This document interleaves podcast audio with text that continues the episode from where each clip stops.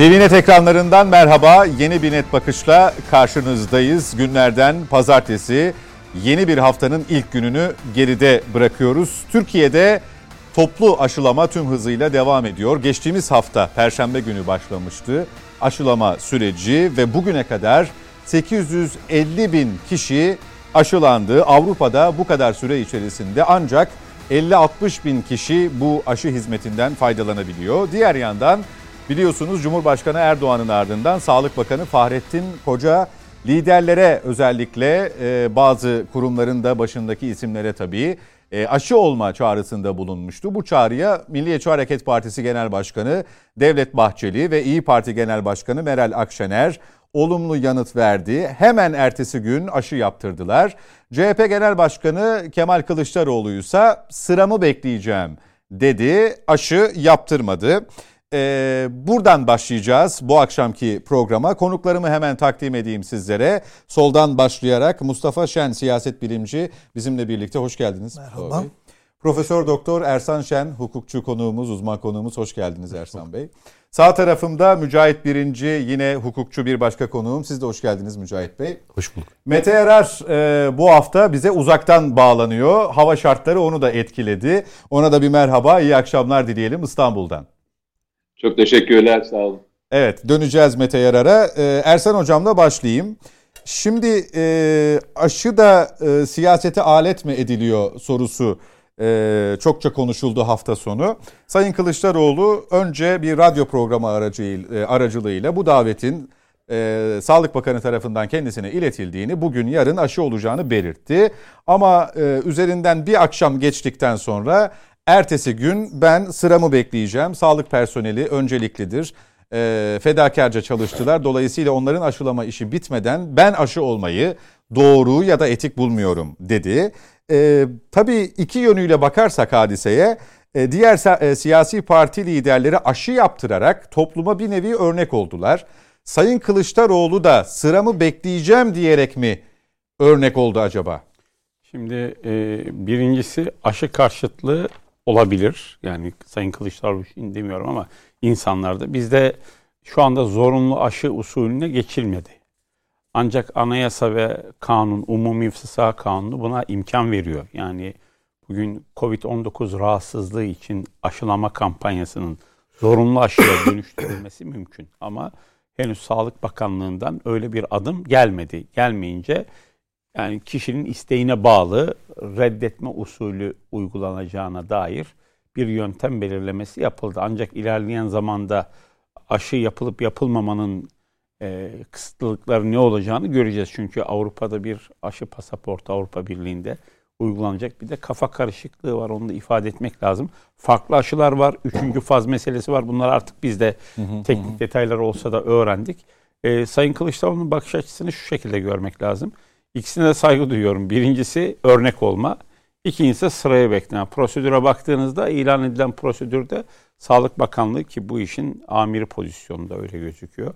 Halk Sağlığı Kanunu'na göre de e, bir prosedür ilan etti. O prosedürde ayrıcalıklar ortaya koymadı.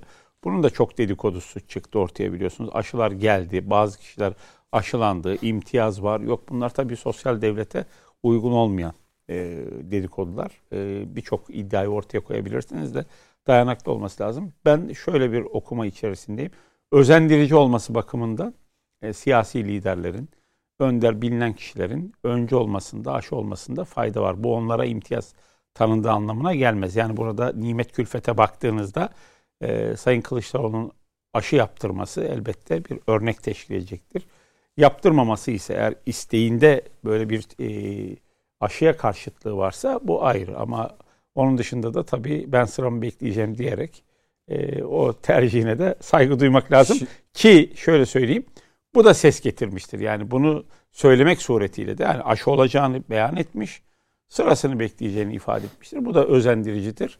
Neticede aşı karşıtlığı üzerinde de bir tartışma açıldı biliyorsunuz. Hani bunun yan etkileri var mı yok mu? O kadar çok e, ama aşı karşıtlığı şey. olmak başka bir şey, sıramı bekleyeceğim demek başka bir ya şey. Ben ben ya ben biraz zaman üzerine... kazanma gibi de olabilir orada. Yok, o açıdan bakıldığında. De, yok, o zaman olmayacağım derdi. Mesela Hı. bana ilk sorduklarında olmayacağımı ifade etmiştim. Hani şimdi böyle bir imkanım yok. E, gelinse veya bir sıram geldiği için veya başvuruyor muyum onun prosedürünü bildiğim kadarıyla başvuruya Ha, şimdi bağlı. olmayı mı düşünüyorsunuz? Siz şimdi olmayı düşünüyor Yok musunuz? hayır şu anda düşünmüyorum. Neticede olabilme imkanım da yok. Neticede Hayır o hayır yani sıra size geldiğinde olur musunuz? yani onu düşüneceğim. O- o Henüz o, zamana henüz o sadece takip ediyorum. Çünkü benim için önemli olan şu e, kendi sağlığım için de bütün ülkenin insanların sağlığı için de hepimizin vatandaşım e, hepimiz kıymetli. Ya bu aşının nimet külfet dengesine faydası ama görülen o ki e, olmak gerekiyor ve toplumda bu pandemiden kurtulmanın yol ve yöntemlerinden birisi. Ya bunun tedavisini bulacaksınız veya aşılama suretiyle ama e, geçmiş tarihlere baktığınızda, geçmiş zamanlara baktığınızda aşıların icat edilmesi, e, uygulanması ve sonuç alınması hakikaten belli bir zamanı gerektiriyor. E, benim kafamda, politikamda şu devlet eşittir güven. Devlet bunu tavsiye ediyorsa, ortaya koyuyorsa elbette bir bildiği vardır diyorsunuz. Dolayısıyla e, bir aşiretçiliğim yok. E, sadece hani sıra gelirse veya öyle bir Peki. imkan olursa e, o zaman düşüneceğim. Henüz karar Peki, vermedim. önce bugün yarın yaptıracağım Mücahit birinci. Sonra sıramı bekleyeceğim. Akşamdan sabaha ne olmuş olabilir? Sayın Kılıçdaroğlu'nda mı? Evet. Sayın Kılıçdaroğlu'nda bu akşamdan sabah fikir değişikliği yeni değil ki. Şimdi e, bu özellikle iki hususta ben e, sürekli şunu dile getiriyorum. Birincisi bu aşı ve sağlık meselesinde siyasete alet olmaması noktasında, polemiklere alet olmaması noktasında, toplumsal toplumsal hassasiyete özen ve dikkat göstermek noktasında e, dikkat etmesi gereken e, başlıca aktörler kimdir? İşte siyasiler değil mi? Önde gelen siyasiler, genel başkanlar düzeyinde, devlet başkanları. Buradaki dile dikkat etmesi lazım. Kamuoyundaki şahısların bu dile dikkat etmesi lazım. Dolayısıyla e, şimdi veya işte Büyükşehir Belediye Başkanlarının bu dile dikkat etmesi, hassas olması lazım. Sürekli Sağlık Bakanlığı'nın yayınladığı e, vefat sayılarını e, abartarak e, ve bütün e, diğer e, bulaşıcı hastalıkları da adeta onun içine koyarak sadece Covid değil bakın. Orada bulaşıcı hastalık yazıyor. Onu Covid'e sokuyor. Dolayısıyla ne oluyor? Sağlık Bakanlığı'yla diyelim ki İstanbul Büyükşehir Belediyesi verileri çelişmiş gibi gözüküyor. İşte bunların üzerinden sürekli manipülasyon yaparak ben işte Kılıçdaroğlu'nun da o beyanını adeta bir e, bu e, bir, bu zemin sağlık zemini üzerinde bir sörf gibi addediyorum açıkçası. Yani tabii ki kişisel tercihdir. Kimse onu aşıya zorlamayacak. Fakat şu, e, şudur ki tüm dünyada devlet başkanları ve kamu yöneticileri, siyasi parti e, liderleri e, belli bir önceliğe sahiptir. Bu çok doğaldır. Burada da kimse sormaz. Hollanda'da da kimse sormaz. Danimarka'da da kimse sormaz. Demezler ki ya siz niye bizden önce aşı oluyorsunuz diye kimse sormaz. Hele Türk milleti, Türkiye'de yaşayan insanlar hiçbir şekilde işte siz neden daha önce aşı oluyorsunuz diye sormaz. Çünkü bunun mantığını, e, bunun e, o irfanını sahiptirler, haizdirler bi- bizim milletimiz. Dolayısıyla e, Sayın Kılıçdaroğlu da bu noktada bence topluma örnek olma hassasiyetiyle e, aşı olmasının gerektiğine inan- inanıyorum. Fakat şu popülist bir söylemdir. Yani ben işte sıramı bekleyeceğim. Hani kırmızı ışıkta duran Cumhurbaşkanı gibi. Yani Cumhurbaşkanı vazifelerini hiçbir zaman yapma. Demokrasi, insan hakları tarafında durma. E, askeri vesayet tarafında dur ama kırmızı ışıkta bekle mesela değil mi? Hani ne kadar güzel. Kırmızı ışıkta beklemeyi öne çıkaralım. Ama diğer bütün tarafları, eksi taraflarını görmezden gelelim. Böyle bir şey yok. Dolayısıyla Kılıçdaroğlu'nda ben buradaki yaklaşımını biraz fazla popülist buluyorum. Toplumda da bunun karşılığının e, olmayacağı kanaatindeyim. Ama tabii ki netice itibariyle değerli hocamın ifade ettiği gibi kişisel bir tercihtir bu. E, ister sırasını bekler ama sırasını beklemese de olur. Mesela Sayın Akşener e, zannediyorum e, aşı vuruldu. E, orada da hani işte ben e, ekran karşısında aşı vurulmayacağım gibi bir e, O, beyanda o ayrıca bir hassasiyeti olduğu tabii, için. Evet. Tabii tabii yani onun üzerinde de mesela siyasi sörf yapılmasını son derece yanlış buldum ben açıkçası. Yani e, vurulmayı tercih etmeyebilir ekran karşısında. O orada da bir beis yok. Bakın Yo, yo, aşı yaptırdığı için de eleştirenler oldu. Kendi partisinden de dahil olmak üzere ben onlara da rastladım sosyal medyada. Niye yaptırıyorsun? Güvenirliği kanıtlanmamış. Bir de hani sıra beklemek gerekmiyor mu? Sizin az önce söylediğiniz e, toplumun önünde örnek alınması gereken siyasi figürler başta olmak üzere kısmı hiçe sayılarak Evet. e, böyle bir eleştiriye de maruz kaldı Sayın ve, Akşener. ve şu e, yani bir e, hanımefendi e, ekran karşısında aşı vurulmak istemeyebilir yani. Hani bu bunda hiçbir eleştirecek, bunun üzerinden siyaset yapacak tavır, Bir tavır de ve tarz neyi olmaz. kime niye ispatlayacaksınız? Yani işin bu tarafı da var. Ya şöyle o, onun haricinde söylüyorum. Bakın siyasi parti liderliği bir tarafa bırakın. Bu bir kadın, bir hanımefendi e, kendi e, yaşam tarzıyla, inançlarıyla bağdaşmayan şekilde, kendi ba- inançlarıyla bağdaşmayan şekilde ekran karşısında aşı olmayı reddedebilir, tercih etmeyebilir. Bakın bu eleştirildi. Bu eleştiriyi de doğru bulmadım ben açıkçası. Dolayısıyla burada adil davranmak lazım. Dol e, netice itibariyle şu. Sayın Kılıçdaroğlu burada e, bunun üzerinde siyaset yapmaktadır. Popülist bir söylemdir. E, ve milletimizde bunun karşılığı olmaz. Milletimiz devlet başkanlarının, siyasi parti liderlerinin e, aşı vurulmasını çünkü bunlar yönetici kadrolardır. Dolayısıyla bunların aşı vurulmasına işte siz neden bizden önce aşı vuruyorsunuz gibi bir itiraz etmez. Bizim milletimizde öyle bir kültür yoktur. Peki. Peki. E, Mete Yarar e, siz ne düşünüyorsunuz bu konuda? E, gerek Sayın Cumhurbaşkanı gerek Sayın Bahçeli, e, Sayın Akşener zaten vermedi herhangi bir görüntü ya da fotoğraf. Onlar da e, böyle bir şey paylaşmasaydı sosyal medyadan ben aşı oldum deselerdi sadece. E, böyle bir kanıt mı bekleyecekti kamuoyu? Böyle bir beklenti içerisinde mi olacaktı? E, yalnız stüdyo çok soğuk oldu. Ben Evet, Biraz arkadaşlarımı uyardım hemen e, hallediyorlar. ee, öncelikle herkese e, selam. Ee... Mete Yarar yalnızlık çekmesin dedik. Biz de biraz üşüyelim burada. Evet ona eşlik edelim. Dinliyoruz Mete Yarar. Peki. Ben şöyle ben şöyle söyleyeyim. Ee, en azından e, siyasetçiler bugüne kadar konuşmalarında bence aklı selim davrandılar. Yani haksızlık yapmamak lazım. Asıl e, siyasetçiler dışında e, o kadar e, ütopik e, şeyler duyduk ki birbiriyle e, çelişen, birbirini e, insanları e, galyana getiren bilim insanları gördük. Tıp dünyasından insanlar gördük. Gazeteciler gördük. Televizyoncular gördük. Yani yine siyasetçiler en kötü ihtimalle şunu söyledi. Dedi ki ben sıramı bekliyorum. Veya işte dedi ki e, ben şu e, şu neden seçildi, bu neden seçilmedi. Eleştirilerinde bir mantık ve bir en azından iyi niyet vardı. Bence asıl hani tartışılması gereken şey e, siyasetçiler dışındaki insanların e, açtıkları tartışmalar. Yani bu tartışmaların her birini ayrı ayrı değerlendirdiğinizde ben hiçbirinin cevabını bulamadım. Yani bu olay başladığı andan itibaren benim aradığım cevap şu oldu hep. Kişi bazı değil, genel anlamda toplum, işte bir sürü araştırma yapıldı biliyorsunuz. Ee, işte pandemi dönemi nasıl yönetildi, sağlık sistemi nasıl, işte bundan sonra e, Türkiye e, bunu nasıl yönetecek gibi onlarca soru soruldu. Ve genel anlamda bir memnuniyet veya memnuniyetsizlik ifadesi ortaya çıktı. Benim baktığım kadarıyla e, toplum e, dünyanın en gelişmiş ülkelerinde bile bunu yönetmekte ister ekonomik, ister sağlık sistemi, isterseniz toplumsal uzlaşı anlamında yönetmekte zorlanan e, ülkeler varken e, Türkiye Türkiye'nin bu işi yönetebildiği konusunda en azından e, büyük bir çoğunluk bu konuda hemfikir. Ve e, bir şey söyleyeceğim yani e, her marjinal konuşmayı, her e, aleyhte konuşmayı veya bununla ilgili konuşmayı da e, dert edinseydik e, inanın e, hep beraber çıldırırdık diye düşünüyorum. O yüzden yine siyasetçiler bugüne kadar en azından çok olgun ve siyaseti de bu işe çok fazla bulaştırmadan bu noktaya getirdiler. Ben o yüzden hepsine çok teşekkür ediyorum. Bu bir tercihtir.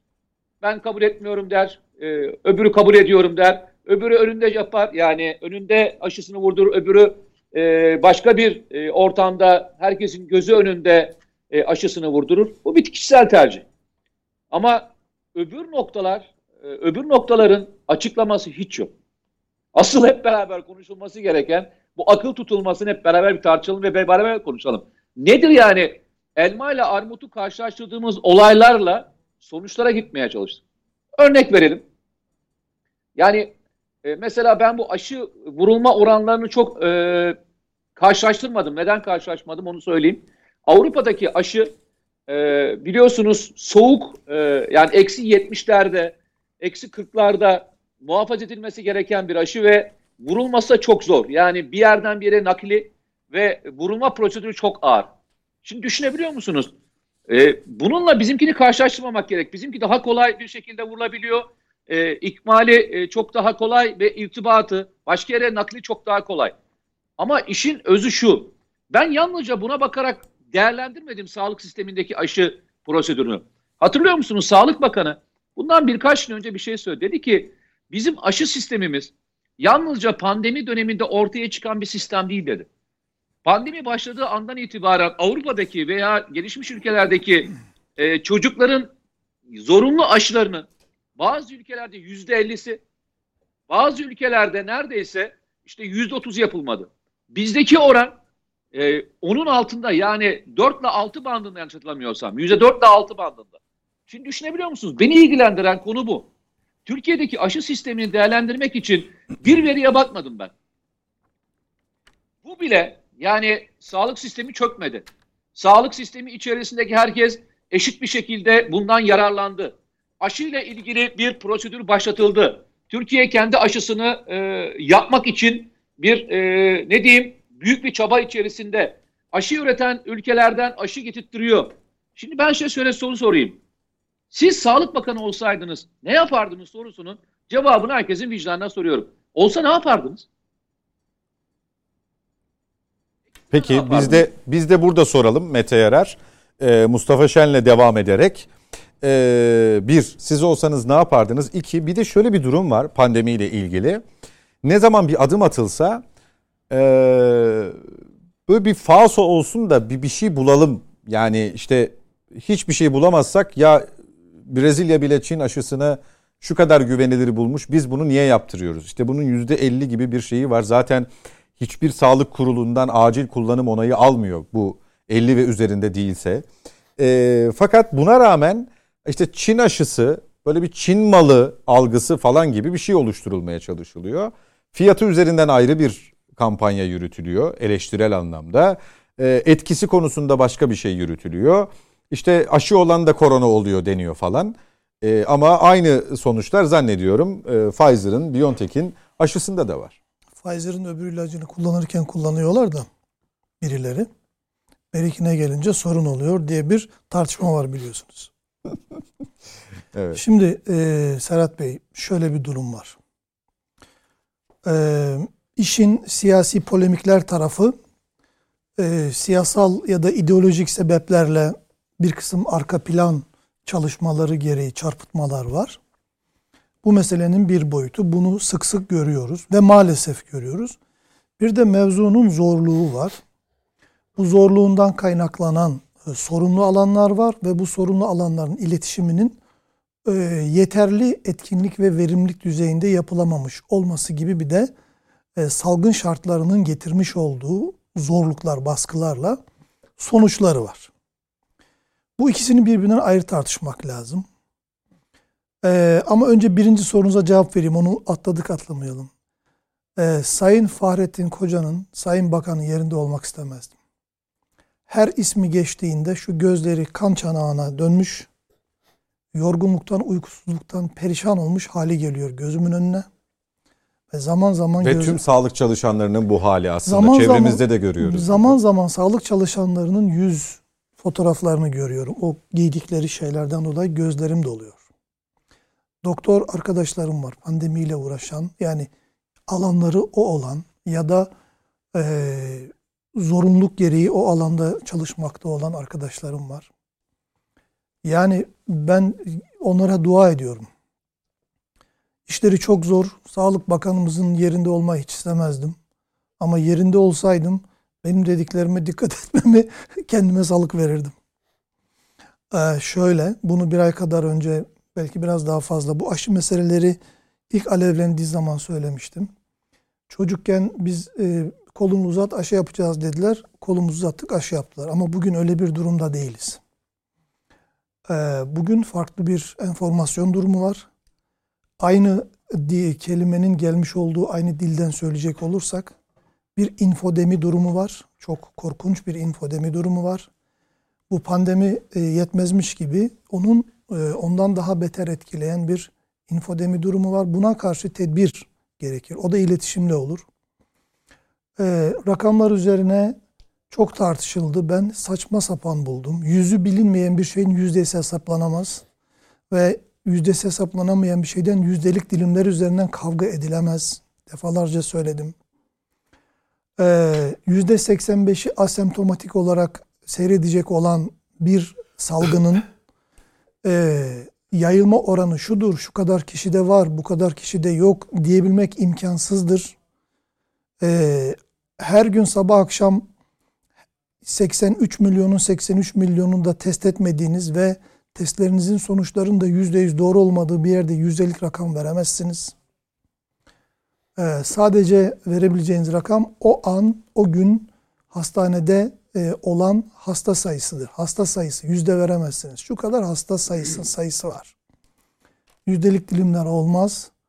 Ee, bunu da aldılar birileri e, çok kötü bir şekilde kullandılar ve güven sarsmaya sebep oldu.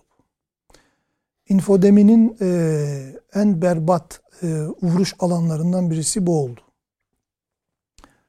Ee, yani işi oraya kadar azıttılar bazıları. Mezarlık saymaya kalktılar. İstanbul'da e, mezarlıklarda şu kadar yeni gömü oldu. Dolayısıyla pandemiden şu kadar insan öldü. İnsaf. Siz bir belediye yöneticiyseniz şunu biliyorsunuzdur. Ben biliyorum zaman zaman bu mezarlıklarda sevdiği insanların e, toprağa verilmesinde bulunmuş biri olarak biliyorum ki pandemi şartlarında memleketlerine gönderilemedi insanlar. Ondan önce isteyen memleketine götürüyordu. Dolayısıyla İstanbul'daki sayı arttı. E, dolayısıyla o rakamlar şöyle. Rakamlar saçma sapan rakamlar üzerine tartışmak çok affedersiniz gerizekalılıktır. Çünkü yüzde 85'i asemptomatik seyrediyor bu şeyin, illetin. Doğru mu?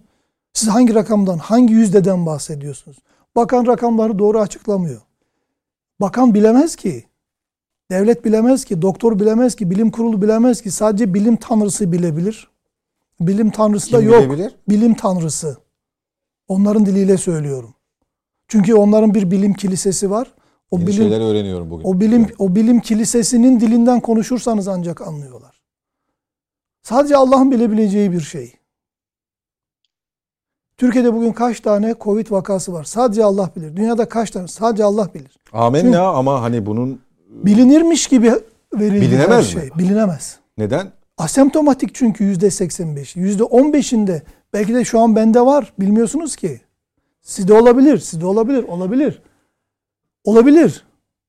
Bende asemptomatik seyrediyorsa sizde hepimizde şu an olabilir ve hiç hissetmiyorsak. Yüzde 85 zaten böyle olacak demiyor mu bilim kurulu? Doktorlar, salgın hastalıklar uzmanları. Evet birçoğumuz olup hastalıklar. geçecek, hissetmeyeceğiz, Evet. ayakta atlatacağız. Bütün viral bütün viral enfeksiyonlar böyle değil mi? Hepsi böyle değil mi? Ee, şimdi şu dudaklarımızda uçuk yapan nedir? Bir virüstür. Herpes. Evet, o virüs hepimizde var. Yeryüzündeki hemen hemen her insanda var. Doktorların dediği. Kaç, kaç kişide şey var? Uçuk var şu an. Ama zaman zaman herkeste olur. Şimdi burada bu çarpıtma meselelerini hiç çarpıtılmaması gereken konular üzerinden bir kısım arkadaşlar çarpıttılar. Ve çok ayıp ettiler. Ve bunu gecesi gündüzü olmayan bir bakana karşı yaptılar. Gecesi gündüzü olmayan sağlık çalışanlarına ve sağlık otoritelerine karşı yaptılar. Bilim kuruluna karşı yaptılar. Çok ayıp ettiler. İkincisi bütün bu meseleyi e, doktorluk benim işim değil, salgın benim işim değil, benim uzmanlık alanım değil deyip kenara çekilen ve işi işin uzmanlarına, hocalarına, heyetlerine bırakan Cumhurbaşkanı'na karşı yaptılar. Orada Ayıp. da biraz siyaset güttüler aslında. Ayıp Söylediklerinizden anladığım Evet. o e, şu. Senin bilim kurulun, benim bilim kurulum ya da benden biri niye yok senin bilim kurulundaya kadar vardırdılar galiba. Hepimizin tanıdığı e, o bilim kurulunda farklı siyasi kimlikleri olan insanlar var. E, yanılmıyorsam Tabipler Birliği üyesi e, hekimler de var. Doktor, doktorun, e, doktorluğun siyaseti olmaz. Gerçi biz bazı doktorlarda bunu gördük. Yani başörtülüysen seni muayene etmem deyip kovan. E, doktorlarda gördük. Onları katmayalım, onları saymayalım, onları boş verin. Biz bütüne bakalım. Bütünde böyle bir şey yok. Doktorun siyaseti olmaz, tebabetin siyaseti olmaz. E, karşınıza e, yani aynı şey gibi başörtülü hakim olursa adalet sağlayacağından e, emin olamam diyen eski siyasetçi gibi böyle şeylerimiz var. Ama onları saymayalım, boş verin onları. Peki toparlayalım. Toparlarsam şöyle söyleyebilirim. Cumhurbaşkanımızın eee, ve Sağlık Bakanımızın eee, önce hemen aşı olmalarının sebebi bu infodemiyi kırmaktı. Pandemi zaten sağlıkla ilgili sağlık çalışan doktorlarımız kırıyor. Belli bir şekilde gerilettiler ama infodemi aldı başını yürüyor. Onu kırmak üzere Cumhurbaşkanımız doğrudan eee, yani bakın ben hiç kimse denemeden ben yapıyorum deyip kendini ortaya atıyor. Bu takdir edilesi bir şeydir. Beri tarafta ben Sayın Kılıçdaroğlu'nun bir kısım e, kanaat önderlerinin, bir kısım siyasi önderlerin, yani toplumda sözü geçen, toplumsal karşılığı olan e, sanatçıların, aydınların da e, ön sırada mümkün istiyorlarsa tabii ki e, aşılanması istiyorlarsa aşılanması gerektiğini düşünüyorum. Sayın Kılıçdaroğlu'nun da böyle yapmış olması gerektiğini düşünüyorum. Bu daha faydalı olurdu. Bir dakika sanatçıların da yani sıraları gelince değil e, onlara hak tanınmasını mı? Çünkü o da ayrı bir tartışma konusu oldu. Bakın in, tamamen ben infodeminin kırılması üzerinden konuşuyorum. Hmm. Pandeminin değil. Pandemiyle zaten doktorlar yani yüzleri görüyorsunuz işte o hale dönmüş. Ee, şimdi bir doktor arkadaşım bana bir şey yazdı. Dedi ki abi e, kedim iki gün evde yalnız kalıyor bir sorun olur mu? Biz kediciyiz ya kedi baba. Bu soruyu bana niye sordun? Her iki gün gezmeye mi gidiyor? Hayır hastanede kalıyor. Salgınla uğraşıyor çünkü. Bazen fotoğraflarını görüyorum şu yüz göz böyle gitmiş. Ee, yani anlatamam. Şimdi e, onlar zaten pandemiyi kırıyorlar. Siyasetçilere düşen, toplumsal önderlere düşen, toplumun önünde olan, kanat önüne düşen infodemiyi kırmak. O da aynı pandemi gibi bir e, yani etkileme gücü yüksek bir zararlı. E, onu kırmak üzere hareket edilmesi gerekirdi. Ama bu başka bir tartışma konusudur. Siyasi tarafını alıyorum, felsefi ve sosyolojik tarafına geçiyorum. Tıbbın öznesi kimdir? Tıbbın öznesi kimdir? Tıbbın öznesi, karar vericisi, hastanın kendisi hakkındaki karar verici kimdir? Hastanın kendisidir. Ne tıptır, ne tıp bilmidir, ne bilim tanrısıdır, ne bilim kilisesidir, ne bilimsel heyetlerdir, ne, ne şu ne bu ne doktor hiçbir şey. Ne devlettir ne cumhurbaşkanıdır. İnsanın kendisidir. Allah'ın biricik varlık olarak yarattığı e, ve sadece kendisini kendisine muhatap alacağı insan tekidir. Bu tıp felsefesiyle alakalı büyük tartışmadır ve bu asla devredilemez bir şeydir. Dolayısıyla ben aşı olmuyorum dedi mi bir insan kimse onu kınamamalıdır, karşı çıkmamalıdır, Doğru. zorlamamalıdır. Saygı duymalıdır. Ee, ama e, ondan kaynaklanan, ondaki o görünmez e, asomptomatik durumdan dolayı birisi de e, bir sevdiği de e, semptomlu hale semptomlu gelirse. hale gelirse o zaman o karşılaştırmayı kendisi yapar. Onu yaşayacağı pişmanlığı da ben görmek istemem doğrusu. Ee, bu dediğim mevzuda da e, gene o ilk alevlendiği zaman söylediğim bir şey hatırlatmak isterim. E, toplumun biraz daha bu konularda e, bilgilendirilmesi gerekir. Çarpıtmalardan uzak durulması gerekir. Daha çok bilim insanlarının, daha çok ilgili kişilerin konuşması gerekir. Bir enformasyon eksikliği olduğunu mu düşünüyorsunuz? Evet, evet. İnfodemi oradan çıkıyor zaten. Hmm. Ee, bizim daha geri planda olmamız, işin uzmanlarının ama e, doğru düzgün e, söylemeleri şartıyla, hitabet de ayrı bir sanat. İşin uzman olmanız da yetmiyor. Hitabetiyle e, efendim tebabetini birleştirmiş doktorlar Biraz gerekiyor. da psikiyatriye, psikolojiye de iş düşüyor burada. Çünkü sürekli ekranlarda e, hastalığı konuştuğunuzda, virüsü konuştuğunuzda bazen terminolojik olarak da e, sıkılabiliyor insanlar televizyon izleyicilerinden bahsediyorum ki bunu sosyal medyada da görebiliyoruz. Ee, özellikle bunu yaşayan yani bu virüsü atlatanlarda ya da o anda geçiriyorsa bile dinlemek istemiyor. Sadece psikolojisine yönelik, vaktini nasıl geçireceğine yönelik bir takım öğütlere ihtiyacı var. Hı hı. Siz bunu toplu halde söylüyorsunuz zannediyorum. Hı hı. E, bu enformasyonun bu şekilde bu, yapılması. Bu konuda e, yani o dediğim zamanın ertesi haftasında Sayın Bakan e, bu mevzuya dikkat çekti aslında. Eminim ondan sonra da ilgili heyetleriyle, danışmanlarıyla bu konuda çalışmalar Peki. yapılması gerektiğini konuşmuşlar ve yap- yapıyorlardır diye varsayıyorum ama yapılması lazım. Peki. Bu bölümü bitireceğim. Ee, başka bir konuya geçiyorum. Eklemek istediğiniz? Hı hı. Şöyle söyleyeyim. Bir defa e, hakikaten e, insanlığın beklemediği veya işte her yüzyılda bir olduğunu söylediği e, çok ağır bir e, sınavla karşı. Tabii tabii şu anda öyle ve ben herkesin iyi niyetli olduğunu düşünüyorum ama e, siyasete tabii alet ediyor insanlar ister istemez. E, yalan yanlış bilgi biraz önce Mustafa Bey'in söylediği doğru. infodemi dediği bilgi kirliliği. Kasıtlı veya kasıtlı olmaksızın hepsinin altında kötü niyet aramaya da gerek yok. Çünkü bir bilinmeyenle karşı karşıyasınız. ve bunun sadece sağlık sorunu ortaya çıkarmadığını birçok iktisadi sorunu da beraberinde getirdiğini görüyoruz. Yani bunların hepsi tabii insanları psikolojik etkiliyor. E, güvenemiyor. E, ister istemez devlet katından açıklamalar bekliyor. Devlet katından gelen açıklamalarda biliyorsunuz önce bu istatistikler verildikten sonra bir dönem arttı bu sayılar. Hı hı. Artınca özellikle yerel yönetimlerle yaşanan farklı açıklamalar yine Türk Tabipler Birliği üzerinden. Ben e, doğrusu iyi niyetli olduğunu herkesin düşünüyorum ama e, bir e, siyaseten rol çalma da olabilir. Yani buradan bir e, sonuç çıkarma da olabilir ama sağlık öyle bir alan değil. Bu işin Türkiye hiç Cumhuriyeti'nde... Hiç yapmasak bunu aslında. Hiç, ama yapma, hiç girmesek bu, o alana. Bu oluyor. Neticede dikkat ederseniz 11 Mart 2020 tarihini esas aldığınızda bu memlekette Sayın Sağlık Bakanı akşam açıklama yaptı. İlk vakayla karşı karşıya dediği andan itibaren birdenbire artmaya başladık biz de. Esasında o ana kadar en azından Aralık ayından itibaren Çin üzerinden seyrediyorduk. Sonra İran'a sirayet etti. Fakat karşı karşıya gelmeyince bir açıkçası bunu tam manası hissedemiyorsunuz, anlayamıyorsunuz. Bugün yaşadığımız hayata baktığımızda bundan bir yıl önce fazla uzağa gitmeye gerek yok. Bambaşka bir dünyadaydık. Şimdi maskelerle dolaşıyoruz. Her yer kapalı, sosyal hayat değişti. Ee, en önemli sorun okulları açamıyoruz. Bir an önce Milli Eğitim Bakanlığı'nın bu işin üzerinde durması lazım.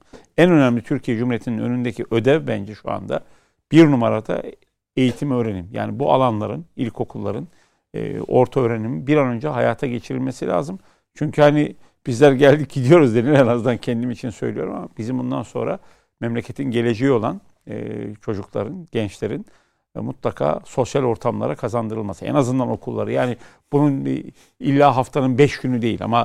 Bu e, denendi ama hocam işte tekrar... Başka geri... çaremiz yok. Yani bu okulları açmak zorundayız. Gözüken o. Yani bizim yani ilk, bütün ilk, riskleri göze alıp e, mı açmalıyız? Tabii başka çaremiz yok. Yani çünkü benim gördüğüm manzaralar şu anda e, bunu bize mecbur ediyor. Çünkü uzaktan öğrenim dediğiniz yöntem e, açıkçası e, evet e, olmazsa artık yapacak bir şey yok dediğiniz e, yer ama e, belli bir başarıya ulaştığımız e, alanda var. E, okulların e, burada öncelikli olarak dikkate alınması. İkincisi de tabii herhalde 15 Şubat tarihi şu anda bir Öyle, tarih olarak ortaya evet. koyuldu. E, iş yerlerinin açılması lazım. Çünkü esnafın ciddi olarak bir beklentisi var. İster istemez ne kadar destekleseniz de e, bu yerlerin e, faaliyette bulunması, ticari faaliyetlerini devam ettirmeleri gerekiyor. İstatistik bilgiler hepsi ama biz bu memleketin evlatlarıyız. Yani e, bu e, köşe kapılacak alanlar değil. Olmaması lazım. Ama e, inanın engelleyemezsiniz de. Bu böyle olur. Yani bunun gelişi de böyle oldu, gidişi de böyle olacak. Bu birdenbire bitmeyecek. Ama belli bir zaman sonra mutlaka insanlıkta, Türkiye Cumhuriyeti bunu kontrol altına alacak. Şu anda dünya örneklerine baktığımızda ben size fa- daha farklı bir tespitte bulunayım. 850 bin, 900 bin civarında aşılama yapsak da e, aşılamaya başlayanlar, bizden önce başladığını söyleyenlerden verilen bilgiler de e, daha iyi gidiyoruz hala. Yani evet. aşı olmadığı zaman Hollanda örneği var mesela bir haftada biliyorsunuz bir ara fazla. iki hafta üç haftalık kapanmalar evet, 50 55 60 bin seviyesinde ee, şu an. Yani e, şu anda bence yapılması gereken önceliklerimiz bizim aşı mesela mecburiyeti getirebilirsiniz. Buna anayasa ve kanun mümkün kılıyor. Ve e, bazen insanın tercihine bırakmazsınız. Mecbur da tutabilirsiniz. Ama Mustafa bunlar, Bey de diyor ki hani bu olabilir bunlar. Çiçek, çiçek aşısı mesela bunlar, Bakın şöyle söyleyeyim Zorunlu. size. Eğer bu ölümcülse, eğer başka çare yoksa, tedavi geliştiremiyorsanız, yani bunun bir ilacı hapı olup da verdiğiniz zaman iyileştirme gibi bir imkana kavuşamıyorsanız. Ya da aşı yüzde yüz bunu ya, Aynen öyle, aynen öyle. Başka çareniz yok ya. Yani ne yapacaksınız yani? E, bu toplumu korumak için, bireyleri korumak için, halk sağlığı için Umumi Sısa Kanunu diye bir kanun icat etmişsiniz. 1930 yılından bu tarafa yürürlükte onun 72. maddesi de gerektiğinde zorunlu aşı yapacaksın diyor. Ama şu anda biz o aşamada değiliz. Olabilir benim olma zamanını şöyle düşünüyorum. Bir veya birkaç aşıda bu yerli de olur veya yabancı da olur. Eğer bu yüzde yüz derse bence devlet kaçınılmaz olarak devam eden bir süreçte e, bu da, o, o bu aşamaya da, geçecek. Burada araya en, en önemli mesele şu bence yeterli aşıya sahip olmamız lazım bizim. Çünkü 83 milyon tam nüfusu bilemiyoruz ama herkesin ağzında bir 83 milyon var. E, yabancı bulundurduklarımızla birlikte bu sayı belki biraz daha fazla olabilir. E, iki doz deniyor. Bir doza indiremedi dünya bunu öyle anlaşılıyor. 14 gün denildi. Şimdi 28 gün aralığında. E, sizin tabii bu insanlara bırakın hani bunu tercihe zorunlu bu aşamayı hangisini seçeceğinizi ama o tercih miktarına ulaşmanız. sosyal devlet olarak ulaşmanız gerekiyor. Başka çareniz yok. Benim kafa karışıklığım şu. Yani bu aşıların tabii e, keşfedilme yöntemleri de farklı. Ya bugün Çin aşısıyla e, diğer denilen aşı Avrupa. arasında bir fark var. Birisinin işte Ölü birisi, birisi Aynen canlı. öyle. Bunlar bunlar ya bunlar bizim bilebilmemiz mümkün değil. Bize çıkıp hakikaten Sizin kafa karışıklığı tam olarak o mu hocam? Ee, Yani yok. tercih edememe değil. durumu. Ben e, şöyle e, düşündüm. E, yani böyle bir şey olmak zorundaysa elbette şahsım içinde toplum içinde olurum. Çünkü e, her bireyin olması bu toplum sağlığı için önem arz ediyorsa ve e, size de bu garantiyi devlet veriyorsa Ki 72. maddede uygulamaya konursa yani zaten koyulursa yapacak, bir şey yok. Bir yapacak ekleme. bir şeyiniz yok ama bu son mesela e, bunu devlet yapabilirdi. Olağanüstü hal de ilan edebilirdi. Çünkü anayasanın 119. maddesi bunu mümkün kılıyordu. Yapmadı. Ben hala niye yapmadığını da e, hukuken engel yoktu. Başka hangi sebeple yapmadığını İlk etapta belki ama. ürkütücü Ben- gelebilir. Ben- ama ba- olağanüstü halin ki keyfi bir şey değil ki bu. Şartları gerçekleşirse yapmak ilan etmek zorundasın. Hocam şöyle bir sorun var. Şimdi aşının e, devletler izin veren devletler acil durum kullanım izni verebiliyorlar. Sebep e, normal aşı ancak en az bir 2 sene, 3 sene, bazıları 4-5 sene, bazıları 10 seneye kadar çıkıyor. Türkiye'de geliştirilmekte olan bir e, Covid-19'a karşı bir ilacın birinci, va, birinci faz sonuçları yani laboratuvar e, testleri sonuçlarının e, tartışılacağı bir e, heyette bulundum ben. Tercüman olarak bir yabancı bir e, doktor bulunacaktı. E, konuşmaları birbirine çevirmek için e, tercümana ihtiyaç duydular. E, yani mevcut İngilizce yetmediği için. E, orada bulundum ve ben sonuçları gördüm. E, laboratuvar sonuçlarını gördüm. Mükemmel gözüküyor. İkinci Yerler faz, diyor. e, yerlilerden biri. 8 tane var biliyorsunuz. Bir tanesini ben gördüm. Sonuçlarını gördüm. Yani masanın üzerinde. Ee, geliştiriliyor. Ee, ama bir aşının bir aşının bu ilaç bu ilaç bir aşının geliştirilmesi 2 yıl alıyor. 3 yıl alıyor. Duruma göre 4-5 yıl ve fazla. Sebebi Bu biraz şu. tabii fazlardan ziyade uygulamayla ilgili bir şey. Sebebi şu. Geri dönüşlerle Üçüncü ilgili. faz, üçüncü faz uzun sürüyor. Sebebi şu. Yani laboratuvarda hücre deneyleri yapıyorsunuz. Bizim yamyam hücrelerde test ediyorsunuz. Onları diyelim canavara dönüştürdünüz. Hayvan deneyleri. Hayvanlarda yapıyorsunuz. Sonuçlar aldınız ki ben biraz ona karşıyım. Hayvanların bunun için kullanılmaması lazım. Bu ayrı bir tartışma konusu. Üçüncüsü insanda deniyorsunuz. İnsanda siz de denediniz. Ben de ben de ben de denedik mesela. Mükemmel sonuçlar. Hemen kullan. Hayır bir dakika. Biz işte 30'lu 40'lı 50 yaşlardayız doğru mu? Orta yaş, sağlıklı erkek. Temel kullandığımız temel ilaçlar yok. Yani etkileşim içine ilaç yok. Alt hastalığımız yok. Bizde güzel. Peki. Dolayısıyla minimum yan tesir. Evet bebeklerde, çocuklarda, e, efendim gençlerde, orta Kronik yaşlarda, yaşlılarda sayayım. E, ondan sonra e, er, kadınlarda, erkeklerde, sonra belli hastalığı olan e, kişi Gruplarda. gruplarda, belli ilaçları kullanan gruplarda bunların hepsinde test edeceksiniz. Bu testleri de gel bakalım buraya test edeceğiz olmuyor. Gönüllü katılımcı gerekiyor, denek gerekiyor. Onların da belli bir sayıda olması gerekiyor e, her toplumsal e, tepkinin farklı olduğu gibi her yani belli coğrafyaların belli şeylere tepkisi aynı olmuyor. Farklı olabiliyor. Dolayısıyla da e, bu aradaki farkları iyileştirmelerin e, yüzde kaç olduğu ayrıca bilimin çok temel bir kuralı var. Yanlışlanabilirlik. Yani şunu yaptınız, şunu yaptınız, şunu yaptınız. Hep birbirini doğrular, doğrular, doğrular gitti. Bunu sonsuza kadar götüremeyeceksiniz. Ama sonsuza giderken bir şey onu yanlışlayabilir. Ama bunun oranı kaçtır? Bunları hesaplayacaksınız. Geçerlilikleri, güvenilirliklerini işte bu 5-10 sene alıyor. Bu, bu zaman geçtikten sonra bütün bunlar yapıldıktan sonra ancak ben hocaya sor- sordum. Profesöre Ee, dedim hocam şurada dehşet sonuçlar görüyorum ben. Gerçekten bizim yamyam hücreleri canavara dönüştürmüş. Yani şeyi gördü mü Covid-19'u gördü mü parçalıyor onu. Sonuçlar öyle gösteriyor. Bunu neden hemen kullanmıyorsunuz? Dedi ki iki faz daha var. Öyle kolay her, bir şey değil. her fazın dedi e, testlerini, deneylerini yapacağız.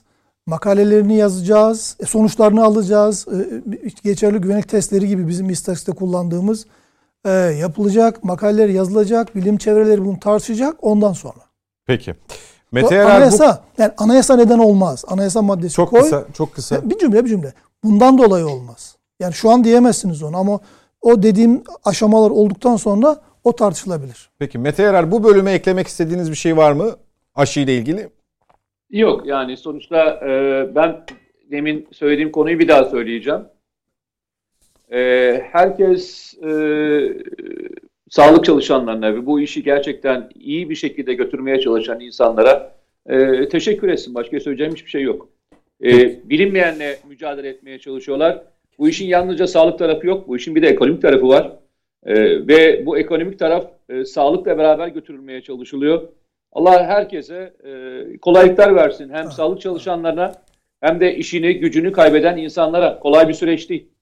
Peki. Bir an önce bu işin çaresini bulmak zorundayız hep beraber. Peki tez zamanda buluruz e, diye ümit ediyoruz inşallah. Şimdi e, geçelim siyasetin gündemine. Siyasetin gündeminde bir iki haftadır konuştuğumuz ittifak arayışları var. E, özellikle İyi Parti'de e, bir takım e, sıcak gelişmeler yaşanıyor ama öncesinde e, basında yer alan kısım e, Sayın Kılıçdaroğlu ile ilgili mektup hadisesi. İki CHP'li e, milletvekili Genel Başkan e, Kılıçdaroğlu'na, Sayın Kılıçdaroğlu'na bir mektup yazıyorlar. E, dar kadroculuk ve ekipçilik özetle eleştirisi yapılıyor bu e, mektupta. E, tek adamlılıktan şikayet ediliyor. Şeffaf olunması gerektiği esası hatırlatılıyor.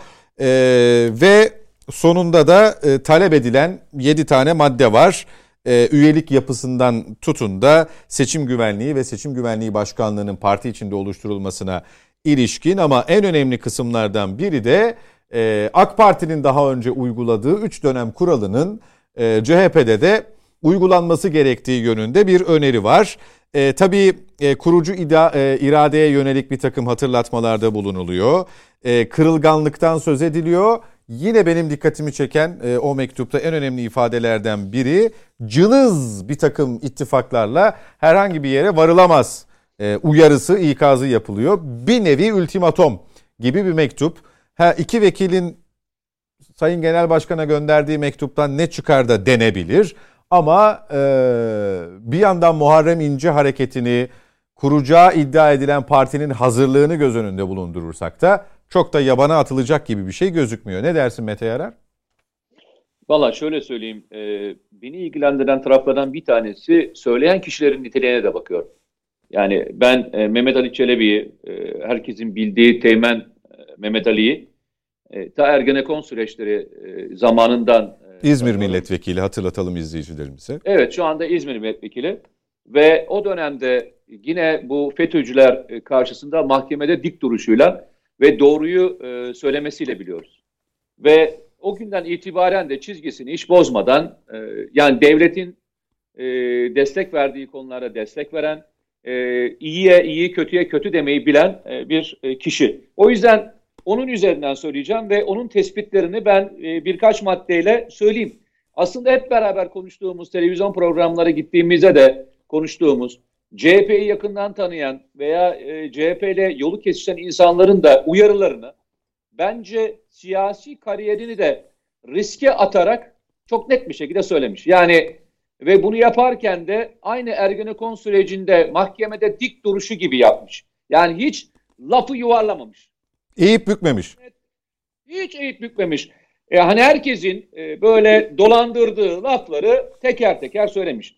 Mesela burada ben neler görüyorum? E, birisi küresel odaklar e, tabiri. Yani e, hatırlarsanız zaman zaman yurt dışında e, böyle Türkiye'ye mesaj veren, Türkiye'deki muhalefeti şekillendirmeye çalışan odaklarla ilgili çok net bir duruşu var. Diyor ki kardeşim biz kendi duruşumuzu gösterebiliriz. Bizim küresel odakların yurt içindeki yapılarıyla ilişkimiz olamaz diyor. Çok net söylüyor.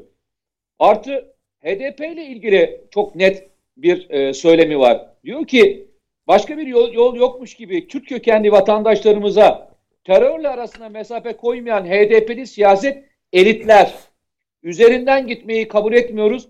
Onların alaycı, aracılığına ihtiyacımız yoktur. Çok net bir duruş. Yani şey yok. E, yani lafı e, eğip bükmesi yok. E, arkasından yine şöyle bir laf e, e, kelime sarf ediyor. Ulusal birliğimize, ülkemizin bütünlüğüne ve Cumhuriyet'in milli esaslarına karşı çıkanlarla dolaylı veya açık bir açık hiçbir ittifakta yer alınmamalıdır diyor. Yani e, bundan daha e, daha nasıl bir şey e, söylenebilir? Nasıl bir açıklama yapabilir? Yine e, farkındaysanız şöyle bir e, durumu var. Diyor ki ulusçu CHP, milli CHP, bağımsızlıklı CHP, Atatürk aydınlan CHP'si tarihin sahnesine bir kez daha davet edilmelidir diyor. Ve burada davet e, edilme sırasında bazılarının şeyden çıkartıldığını yani bunları yapanlar dışlandığını bazı gruplarında ön plana çıkartıldığını söylüyor. Hatırlarsınız e, yanlış söylemeyeyim ama e, 10, 10 Ekim hareketi miydi? Hareketin ismi. 10 Aralık. E, işte bu 10 Aralık. 10 Aralık mıydı? Ha pardon. Sonra 10 11 Aralık- Haziran'la birleşti.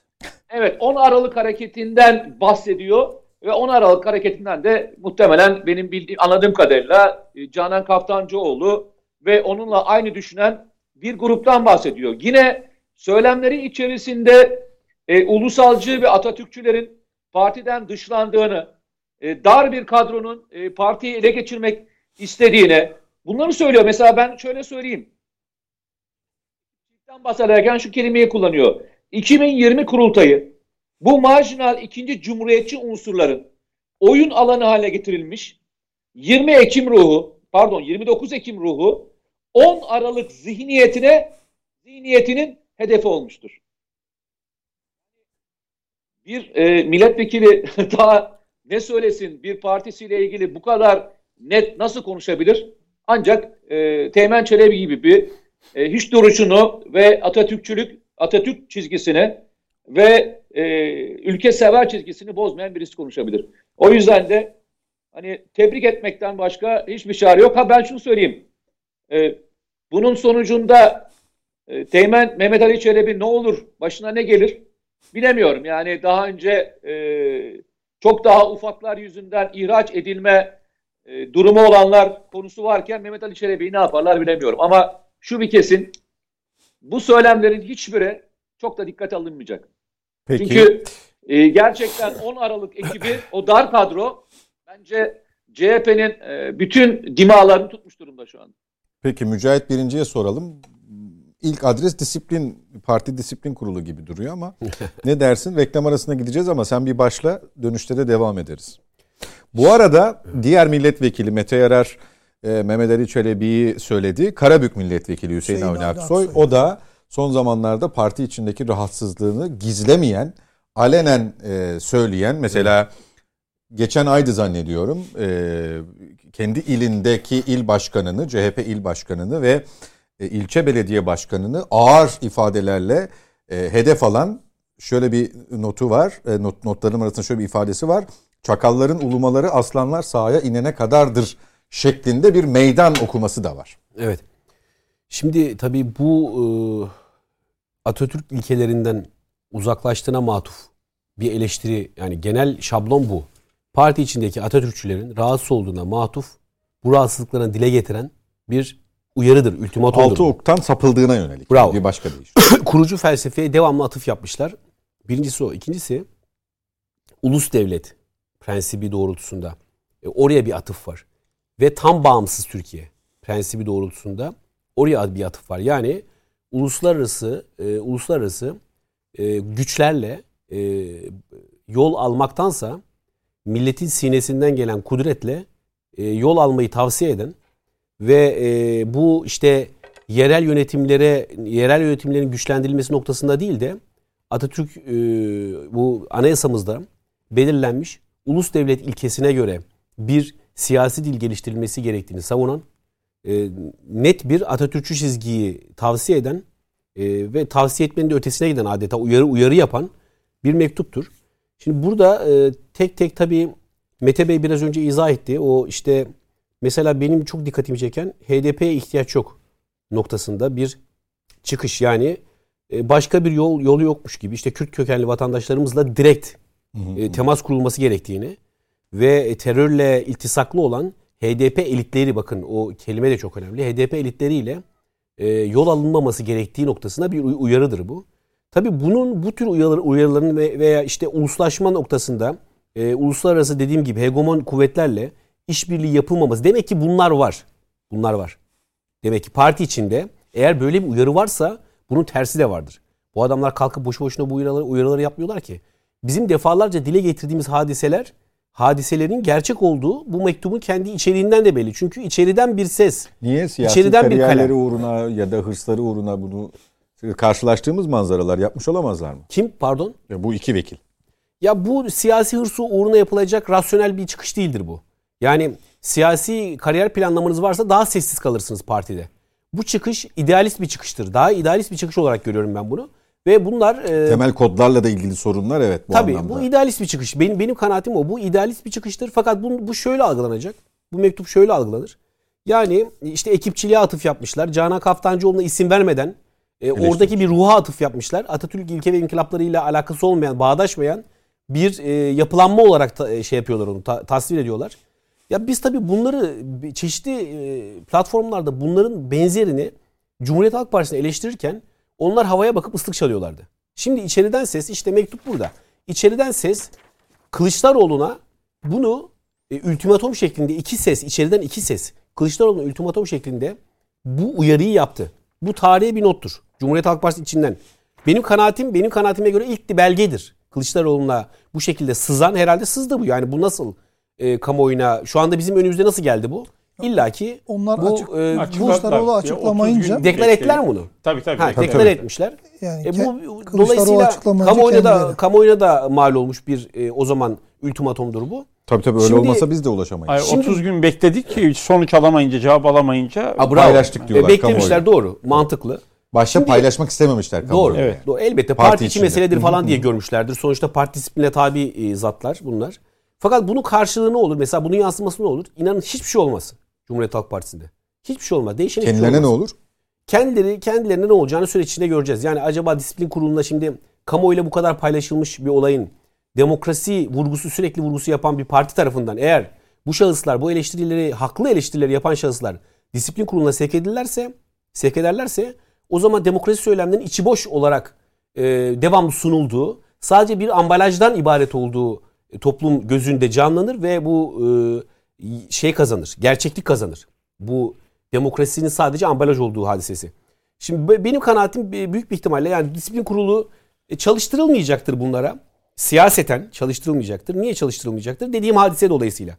Bu ne yapacaktır? Bunlar zaten şu e, pompalanacaktır. Bütün teşkilatlara ve diğer vekillere işte parti meclisinde e, şu pro- pro- propaganda yapılacaktır. Ne diyecekler bunlara? Diyecekler ki ya bunlar zaten iki muhalif yani. Önceden beri böyle bizim parti içinde demokrasimiz var. Bakın böyle şeyler söylenebiliyor Cumhuriyet Halk Partisi'nde gayet doğal. Böyle mektuplar yazılabilir. Ee, Kılıçdaroğlu bunu dikkate alır, okur, bakar. Bizde demokrasi var diyeceklerdir. Ama o milletvekillerinden bir daha bir ses seda falan duyamayacağızdır biz yani. Pasifize Öyle, öyle mi olacak? Yoksa bu vekilleri destekleyen birkaç vekil daha mı çıkacak? Onu Ha şu biraz şu bak onu da ekleyeyim. Burada Cumhuriyet Halk Partisi içinde gerek teşkilat örgütlerinde e, ciddi bir rahatsızlık olduğu özellikle seslendirmeseler dahi özellikle İstanbul'da seslendiremeseler dahi. seslendiremeseler dahi özellikle İstanbul'da İstanbul İl Başka- Başkanı'na karşı e, bu Kemalist ve Atatürk kendini Kemalist ve Atatürkçü olarak niteleyen örgüt yapısı e, çok ciddi eleştiriler yapıyor. E, bilhassa bir şey daha ekleyeyim. Bilhassa e, bu cinsel saldırı olayları noktasında Taciz, örgütün tecavüz. içerisinde tabii e, Kılıçdaroğlu'nun hiçbir söz söyleyememesi, söylememesi yani bunu adeta görmezden gelmesi. Yani başka bir başka bir kurumdaki cinsel saldırıyı bu kadar yaygara yaparak ön plana çıkaracaksınız. Meclis kürsülerinden bas bas bağıracaksınız. Kendi partinizdeki bu hadisede havaya bakıp ıslık çalacaksınız. Ya bu tezat tabii ki örgütte bu tezatın bir karşılığı olur. Peki. Yani kimsenin zekasıyla dalga geçmemek lazım. Cumhuriyet Halk Partisi'nde örgütte vatansever arkadaşlar, e, Atatürkçü arkadaşlar burada çok ciddi itirazlar yapıyorlar. Ben biliyorum bunu bana geliyor. Konu başlığına, bu konu başlığına dönüşte Ersan Şen ve Mustafa Şen'le devam edeceğiz. Şimdi araya gidiyoruz efendim.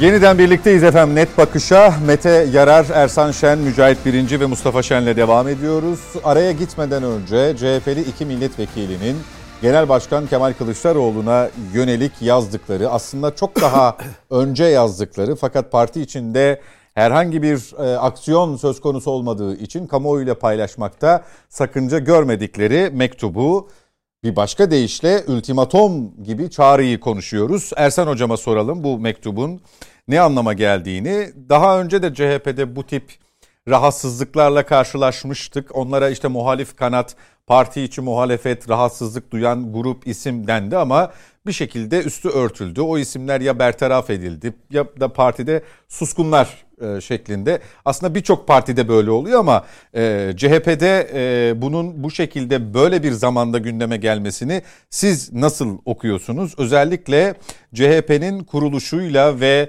e, temel ilkeleriyle bağdaşmadığını düşündükleri, iddia ettikleri kısımlarla alakalı. Şimdi bir genel bir de Cumhuriyet Halk Partisi yönünden değerlendirme yapacağım. Genel değerlendirmem şu. Türkiye Cumhuriyeti'nde temsil demokraside maalesef temsili demokrasinin kalesi olan siyasi partilerde parti içi demokrasi yok. Buna uygun mevzuat yok, zihniyet de yok. Yani neticede bir kanunu getirirsiniz, onu getirmek yetmez aynı zamanda da uygulamanız gerekiyor. Siyasi partiler genellikle kendi içinde oluşturdukları muhalefeti dışarı taşırlar bizde. Yani becerebilirlerse başka siyasi parti kurmak suretiyle. Yani bugün e, hatırladığım kadarıyla parti içi demokrasinin işletilmesi suretiyle e, herhalde Cumhuriyet Halk Partisi'nden e, genel başkanlığı elde eden rahmetli Bülent Ecevit zannediyorum İsmet İnönü'ye karşı elde etti. Bunun dışında örnek yok. Yani gelen siyasi partide lider esaslı, genellikle merkeziyetçi anlayışta e, sürekli bunu en son anayasa referandumu sırasında da gündeme geldiğinde evet anayasa değişikliğinde biz bunu yapmayacağız, yapamayacağız ancak bundan sonra yani kanunla işte ülkeye genel seçim barajı, parti içi demokrasi, delege sistemi tüm bunlar. Çünkü e, atasözümüz üzerine konuşuyorum. Balık baştan kokar dediğimiz o e, sözden hareket edersek bizde yukarıda yani tabandan önce tavanda bu konuda sorun var. Bu sorun sadece kanun eksiği değil, zihniyette de sorun yaşadığımızdan kaynaklanıyor. Dolayısıyla e, kendi açıklamasına göre parti içi demokrasiyi kendi açıklamalarına göre en iyi işlettiklerini söyleyen Cumhuriyet Halk Partisi'ne zaman zaman bu tip farklı sesler olsa da yine parti içinde kalmak suretiyle e, o muhalefeti canlı tutamıyorlar. Bunun en önemli örneği zannediyorum Muharrem İnce. E, ben naçizane tavsiyemdi e, bu konu ortaya çıktığında. Çadır kurt, Cumhuriyet Halk Partisi'nin genel merkezinin önünde kal, partiye sahip çık, parti içinde kalmak suretiyle bunu e, gerçekleştir diyenlerdenim. Muharrem e, çünkü, için mi? Evet. E, çünkü e, parti dışına çıktığınızda kökleşmiş siyasi partilerden ayrıldığınızda yol almak istediğinizde eğer o heyecanı canlı tutamazsanız başarılı olmanız zordur. Yani o bu bir yüzde bir, yüzde iki meselesi değil. Evet yeni yönetim sisteminde yüzde bir, yüzde ikiler de çok önem arz etmekte şu anda. Yüzde elli artı birin Cumhurbaşkanlığı seçiminde öne çıktığı yerde elbette önem teşkil ediyor. Ancak e, eğer yönetme sevdasıyla geliyorsanız e, ve e, bir hikayeniz de varsa, öykünüze inanıyorsanız e, iki şekilde bunu başarabiliyorsunuz. Ya mevcut, kendisini tanıtmış, kabul ettirmiş bir siyasi partide yol alıyorsunuz. Bunun sayısı Türkiye Cumhuriyeti'nde birkaç şu anda. Ee, en son en genç olan AK Parti. Ondan önce Milliyetçi Hareket Partisi. Onun önünde de Cumhuriyet Halk Partisi var. Diğer derinlikli partilerin isimleri olsa da o özgür ağırlıkları maalesef yok. Bir diğeri de hikaye yazabilirsiniz. Bunu en son başarabilen AK Parti oldu. Neticede e, Halkların Demokratik Partisi'nin aldığı oy oranından hareketle düşünseniz de o bir marjinal hareket biçiminde diğer siyasi partilerden e, yol alarak gelen bugüne kadar. Yani yine kendisine göre bir tabanı olan siyasi hareketti. Ancak e, benim e, gördüğüm e, Cumhuriyet'in genç olduğu, özellikle 1950 yıllardan sonra çoğulcu o siyasi hayata geçtiğimizde e, maalesef e, siyasi partilerimiz o e, Cumhuriyetin bağlı olduğu, yaşatmak istedikleri demokrasiyi kendi işlerinde maalesef hayata geçiremiyorlar. Bu bir sorun. O Türkiye Büyük Millet Meclisi'ne e, bu ülkenin esasında temsil kabiliyeti en yüksek olanlarını seçme yönünde henüz e, kanun nazarında da e, seçmeye de gerçek anlamda iradeyi ortaya koyamamışız. Bu e, benim her zaman ortaya koyduğum eleştiridir. Çünkü seçilme hakkından önce seçme hakkı hepimizin tapu belgesidir. Aidiyet belgemiz, vatandaşlık bağımız. Yani onunla siz aidiyetinizi, temsil kabiliyetinizi ve yönetimi iştirakinizi temsil demokraside ortaya koyabilirsiniz. Bu bir. İkincisi Cumhuriyet Halk Partisi'nin mevcut durumda bir Cumhuriyet Halk Partisi olmadığım için bu eleştiri bir vatandaş gözüyle Mustafa Kemal Atatürk'ün kurduğu parti olması, 1923 e, temelli bir siyasi parti olması itibariyle konuşacağım. E, Mustafa Kemal Atatürk'ün o e, Altok e, felsefesiyle ortaya koyduğu e, siyasi parti kimliğinden her ne kadar şeklen ona bağlılıklarını tüzükleri itibariyle ifade etseler de mevcut yönetimin bu Altok'tan koptuğunu görüyoruz biz. O kopuş esasında e, Sayın Mehmet Ali Çelebi'nin e, ortaya koyduğu bir hikaye. Yani bir bir bir süreci anlatıyor esasında. E, isimlerini vermek istemiyorum ama iki ciddi yazı okudum. E, polemik içeren yazılardı. E, Sayın Kılıçdaroğlu'nun birlikte hareket ettiği isimleri e, birkaç yerden o somut dayanaklı olarak ki söylememde sakınca yok. Birisi Celal Erinçelik'in yazısı, diğeri de zannediyorum Erdem Atay'dan okudum. E, temelli isimler üzerinden ciddi eleştiriler gündeme getiriyor. O eleştirileri aldığınızda Sayın Mehmet Ali Çelebi'nin söyledikleriyle tutarlı olduğunu görüyorsunuz. Yani kopuş. Her ne kadar siz aslında siz, bu Mehmet Ali Çelebiler anlamına geliyor. E, aynen öyle. Yani şu yerlilik millilik meselesi var ya. Esasında bu yerlilik millilik meselesi önemli kavramlardan iki kavramdan oluşmuş. Bu Cumhuriyet Halk Partisi içinde şu anda tartışma konusu. Yani işte e, batıcı olmanın farklı anlamları var. Batıcılık başka bir şey. Batıdan destek almak, onlarla birlikte hareket etmek. Bazı isimler hep dile getirilir ya bunlardan birisi Soros'dur. Başka birkaç isimden hep bahsedilir. İşte siz buna yanaştınız. Bununla birlikte hareket ediyorsunuz. Bugün Mehmet Ali Çelebi'nin söylediği zannediyorum e, esasında İstanbul İl Başkanı Sayın Canan Kaftancıoğlu etrafında oluşan bir e, o anlayışa karşı duruş. Ya bu esasında bu e, tartışma daha önce de vardı. Şöyle bir şey hissediyor musunuz? Yani e, Canan Kaftancıoğlu'nun etrafındaki oluşum e, yeni bir e, duruma mı girdi? Bu çünkü öteden beri tartışılan ya bir şey. İstanbul üzerinden de bu söyleniyor. Hmm. Ben o iki yazıya e, kıymetli izleyicilerin okumadıysanız sizlerin bakmasını hmm. istiyorum. Son derece polemik yazılar. Ben bir siyasi parti yıpratmak derdinde değilim. Burada diğer siyasi partilere bir sonuç ve onların lehlerine çıksın istemiyorum. Bizim hedefimiz temsili demokraside bugün Türkiye Cumhuriyeti'nin e, en tecrübeli ve en eski partisi, siyasi partisi. Ya ve bu 1923'ten gelen Mustafa Kemal Atatürk'ün geleneğini sürdürdüğünü iddia eden bu siyasi partinin e, yönetim anlayışına baktığınızda ve o yönetim kadrosuna baktığınızda Mehmet Ali Çelebi'nin Sayın Vekil'in söylediği eleştirileri ciddiye alma gerektiğini ifade ediyorum. Ben Sayın Kılıçdaroğlu'nun e, genel başkan olma sürecini tartışmaya açmıyorum. O da siyasiler arasında hep polemik konusu yapılır biliyorsunuz. Hani e, bu e, seçimin geliş biçiminin Sayın Baykal'ın yerine o, o döneme ilişkin eleştirilere de e, e, saplanarak bu konuşmayı yapmıyorum. Ama e, bunun beraberinde şunu da ifade etmek istiyorum. E, belediye seçimlerinde bir başarı elde ettiği Cumhuriyet Halk Partisi'nin gerçek. Ve bu başarının e, Sayın Kılıçdaroğlu'na adayları belirleme sürecinde mal edildiği bir gerçek. Zaten onunla şu anda ayakta. Eğer o başarı orada elde edilmeseydi e, zannediyorum e, kaybedilmiş 12 veya 13 seçimden bahsediyorsunuz. Ya, baktığınızda e, bir dönemi Deniz Baykal kaybetmiş. AK Parti ile rakip olma itibariyle söylüyorum. Ama Cumhuriyet Halk Partisi'nin genel başkanlığı döneminde ciddi seçim kayıpları yaşadı ve hep şu ortaya koyuldu. Bu %25, %26 bandını geçme. Geçip geçememe. Çünkü Türkiye Cumhuriyeti'nde bir sağ eğilim vardır biliyorsunuz. Yani seçmende bu vardır. Bunu kırabilen e, Kıbrıs Barış Harekatı ile birlikte rahmetli Ecevit oldu. İkincisinde Abdullah Öcalan'ın yakalanmasıyla e, yine %20-22'li bantlarda yakalayabildi ama hep solun böyle bir kendisine göre talihsizliği vardır. E, onu da Mustafa Kemal Atatürk'e bağlanmak suretiyle e, çözmeye çalışıyorlar ama e, dediğim gibi Türkiye Cumhuriyeti Siz, şunu yani bir yere getireceğim. O, o, o, 10-12 hayır şu araya gireyim izninizle. 10-12 seçim mesela İstanbul Ankara'yı CHP kazanmasaydı Sayın Kılıçdaroğlu bugün koltuğunda oturamayabilir oturamaz. miydi? Hayır, hayır, hayır oturamazdı. Ama diğer 9 seçimde ne farkı vardı? Farkı vardı. Şöyleydi. E, şöyle bir süreç. Şimdi parti içi demokrasilerin e, olmadığını söylediğimde bunun Cumhuriyet Halk Partisi için olduğunu ifade etmedim.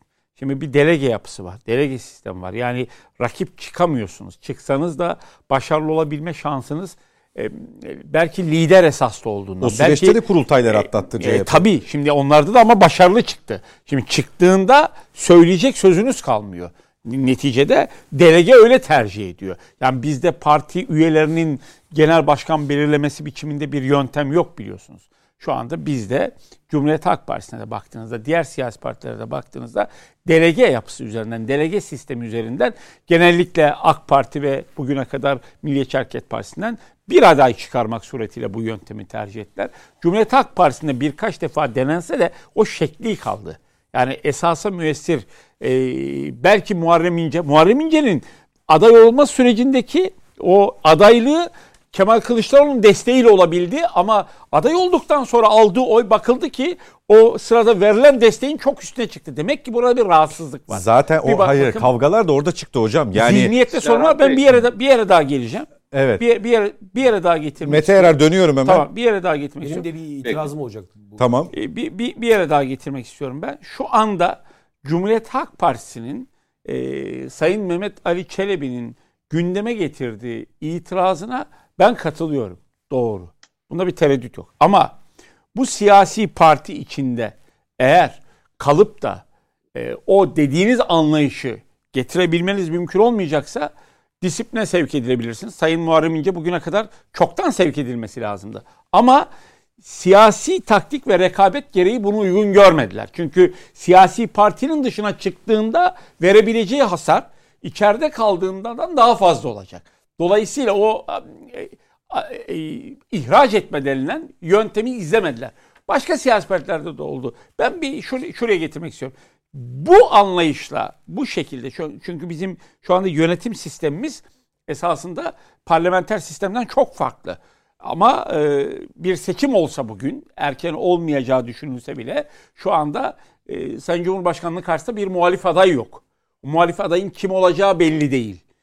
2023 esası olduğu için seçimde bunun erken olduğu ifade ediliyor. Bence eğer aday çıkacaksa bir an önce çıkmalı. Ama Millet İttifakı olarak mı çıkacak? Yoksa siyasi partiler olarak ayrı çıkaracaklar mı? Çünkü bu ittifak dediğiniz mesele e, Cumhurbaşkanlığı adaylığından ziyade %10 ülke genel seçim barajı itibariyle milletvekili açısından da çok O önemli. da konu başlıklarımız arasında var. Dolayısıyla be- be- benim geldiğim yer e, bugün eğer e, seçim esaslı olacaksa Cumhuriyet Halk Partisi'nin bu gidişiyle e, genel başkanın bu tarzı tavrıyla e, siyasi parti kimliği altında seçim kazanabilmesinin güçlüğünü.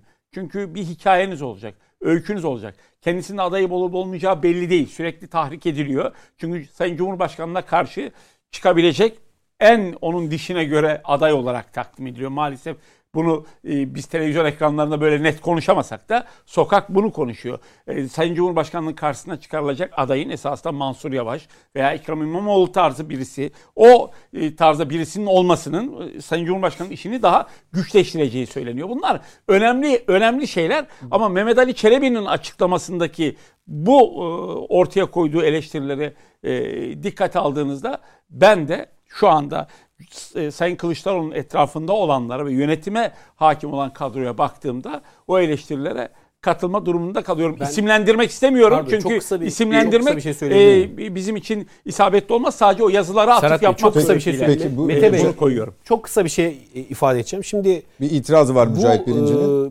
burada şu var. Yani bu be- özellikle belediye seçimleri üzerinden sürekli bir okuma yapılıyor ve burada bir e, efsane adeta inşa edilmeye çalışıyor. Ben Ankara ölçekli daha ziyade söylüyorum. Yani belki Şimdi- İstanbul'da HDP'nin efsa- katkısı yani şu olmuyor efsane de Şu, olsa, şu. diğer türlü de olsa Bu, bu fiktif yani bu nispi ve fiktif bir başarıdır. Nispi bir başarıdır bu. Yani Cumhuriyet Halk Partisi'nin kendi performansıyla kıyaslarsak bir başarı olarak nispi bir baş- başarı olarak ortaya koyabiliriz. Şimdi o yerel seçimlerin genel Yani seçim Cumhuriyet olduğunu Halk Partisi düşünsek eğer başarısı olarak takdim etmedim. Zaten e, uzun süre iktidarda kalmanın ve iktisadi sorunların beraberinde getirdiği İstanbul kaybı Değerli var hocam ben tamamen İstanbul serdediğim Ankara de tam farklı. anlaşılsın. Yarım kaldı.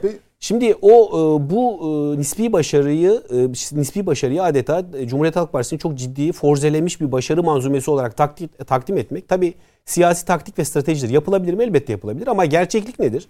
O seçimlerin bir an e, gerçek e, genel bir seçim olduğunu addetsek, düşünsek farz-ı muhal ne olacaktı?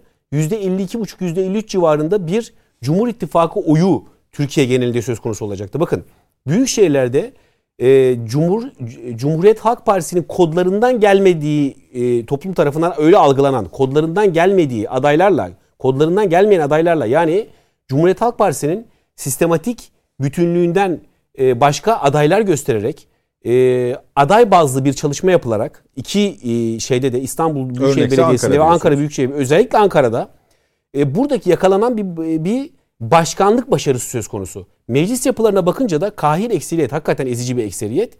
Cumhur İttifakı'ndan hala Cumhur İttifakı'ndan yana. İlçelere bakılınca Cumhur İttifakı'nın ezici üstünlüğü var. E peki Güneydoğu'ya bakılınca Cumhur İttifakı'nın hiç kazanamadığı yerleri kazandığını görüyoruz. Mesela yerel seçimlerde de öyle. Dolayısıyla Cumhuriyet bazlı. Halk Partisi stratejisini eğer bunu bu başarıyı önceleyerek ve büyüterek kurarsa ki e, performans da çok önemlidir. Hani kazandığınızda ne yaptınız? İşte bugün kar yağınca sabahleyin işte AK Parti dönemindeki bir kar yağışını düşünüyoruz. E, İstanbul'da bir de e, Cumhuriyet Halk Partisi dönemindeki bir kar yağışını düşünüyoruz. Dahasını söyleyeyim. Mesela Halk Ekmek Halk Ekmek fabrikasının önünde bir büfe var. Bu, bu büfede sıra olabilir mi ya sıra? Halk ekmeğin dibinde büfe. Halk ekmek üretiyor, büfeye sunman lazım. Yani organizasyon bu kadar basit. Ya Ama orada orada büfe, sıra büfe sayılarını Bak arttırmadınız orada- diye eleştiriyorlar. değerli üstadım orada kuyruk görüyoruz ya. Ya bu şimdi şunu şunu için söylüyorum bakın. E, bu kazanmak olmaz. Sadece kazanmak değil bu iş. Hani eğer Cumhuriyet Halk Partisi'nin stratejisi neydi? Büyük şeyleri kazanacağız. Buradaki başarıyla beraber genel seçime gideceğiz gibi bir stratejileri vardı. Bence bence bir buçuk yılda o stratejileri çökmüş vaziyettedir. Bakın onu net bir şekilde ifade edeyim. Dolayısıyla e, işte bu e, seçim propaganda faaliyetleri döneminde bu adayların yaptıklarına bakıyoruz mesela. Nereye yanaştılar? Cumhuriyet Halk Partisi seçmen kitlesine mi yanaştılar? Hayır. Ne tarafa yanaştılar? Muhafazakar e, seçmen kitlesine yanaş, yanaştılar. Hemşericilikle gerek işte o Yasin okumaları hatırlıyoruz camilerde. Onları hatırlıyoruz. Bunları yaptılar. Dolayısıyla Cumhuriyet Halk Partisi içerisindeki bir kodlanmayla e, kazanılmış nispi bir başarı da değildir bu. Buradaki uyarı işte budur. Bakın buradaki uyarı nedir? Bu kodlanmaya tekrar davettir. Cumhuriyet Halk Partisi'nin işte o kuruluş felsefesine biz e, oya tahvil etmek için Cumhuriyet Halk Partisi ilkelerini, Atatürk ilkelerini ayaklar altına almamayız şeklindeki uyarı budur. E şimdi İhtiyacı burada, olmadığını söylüyor. Yani biz böyle de oy kazanırız. Ama. Yani şöyle de Tabii, bir şey tabii, bir- böyle bir evet, şey bravo. Bir Aynen doğru. Bir, bir, bir Mete Yarar'a dönelim mi? Ee, dinliyoruz Mete Yarar. E, Yani karışmasın diye söylüyorum. Çünkü e, uzayacak, e, uzadığında e, bütünlük kopmasın diye ekleme yapacağım. Mücahit'in e, sözüne de ek olarak. Bakın orada yenidir yutulur olmayan bir başka bölüm var. Yani yalnızca siyasi parti eleştirisinin ötesinde başka bir eleştiri daha var. E, muhtemelen e, Ersan Hocam da e, bugüne kadar hep savunduğu ilkeler anlamında çok önemlidir. Bakın şunu söylüyor. Eşit yurttaşlık adı altında. Eşit yurttaşlık adı altında. Yurttaşla, yurttaşların yerine farklı etnisitelerin, grupların eşitliği ikame edilecekse bu geriye gidiş demektir. CHP olarak bu politikacılara politikalara aracı olmamalıyız. Yerel yönetimleri güçlendirmek üzerinden bölgesel yönetim oluşturmanın zeminini hazırlamak isteyenlere CHP olarak evet diyemeyiz. Resmi dil Türkçedir. Resmi dil ve eğitim dili Türkçedir. Modern bir ulus devletli bu tartışma konusu daha yapılmamalıdır. Bakın burada başka bir şey daha de, teşifre ediyor e, Teğmen e, yani daha Mehmet Ali Çelebi. Anayasa çalışmalarının e, yapıldığını da deşifre ediyor farkındaysanız. Evet, evet. Yani e, yalnızca siyaset eleştirisi yok burada. Aynı zamanda başka bir yere doğru evrilen bir partiyi de parti politikasını da e, söylüyor. Bir parti politikasından bahsediyor ve bu parti politikası mezhepçi, e, etnisite ve grupların e, eşitliğini getireceğini, işte yerel yönetimlerle bölgesel yönetimler yani HDP'nin istediği bazı şeylerin CHP yönetimi yönetimi tarafından e, nasıl kolay bir şekilde kabul edildiğini de söylüyor. Evet diyemeyiz bunların hiçbirine diyor. Yani bu itirazı ben e, baktığımda bugün HDP'ye kapansın kapanmamasın tartışması teröre destek evet, veriyor evet. vermiyor tartışmasının la beraber okuyun. O zaman çok daha net olarak anlarsınız. Bir şey daha var. Başka bir yol yokmuş gibi Kürt kökenli vatandaşlarımıza terörle arasına terörle arasına mesafe koymayan HDP'li siyasal elitler üzerinden gitmeyi kabul etmiyoruz. Onların aracılığına ihtiyacımız yoktur. Şimdi şöyle söyleyeyim. Bir anda seçim üzerine gittik ama o dediğiniz Sayın Çelebi'nin e, bir Karabük milletvekili hazırladığı metni dikkate aldığınızda e, ciddi bir yurtseverlik ve ulusalcılık vurgusu var orada. Evet.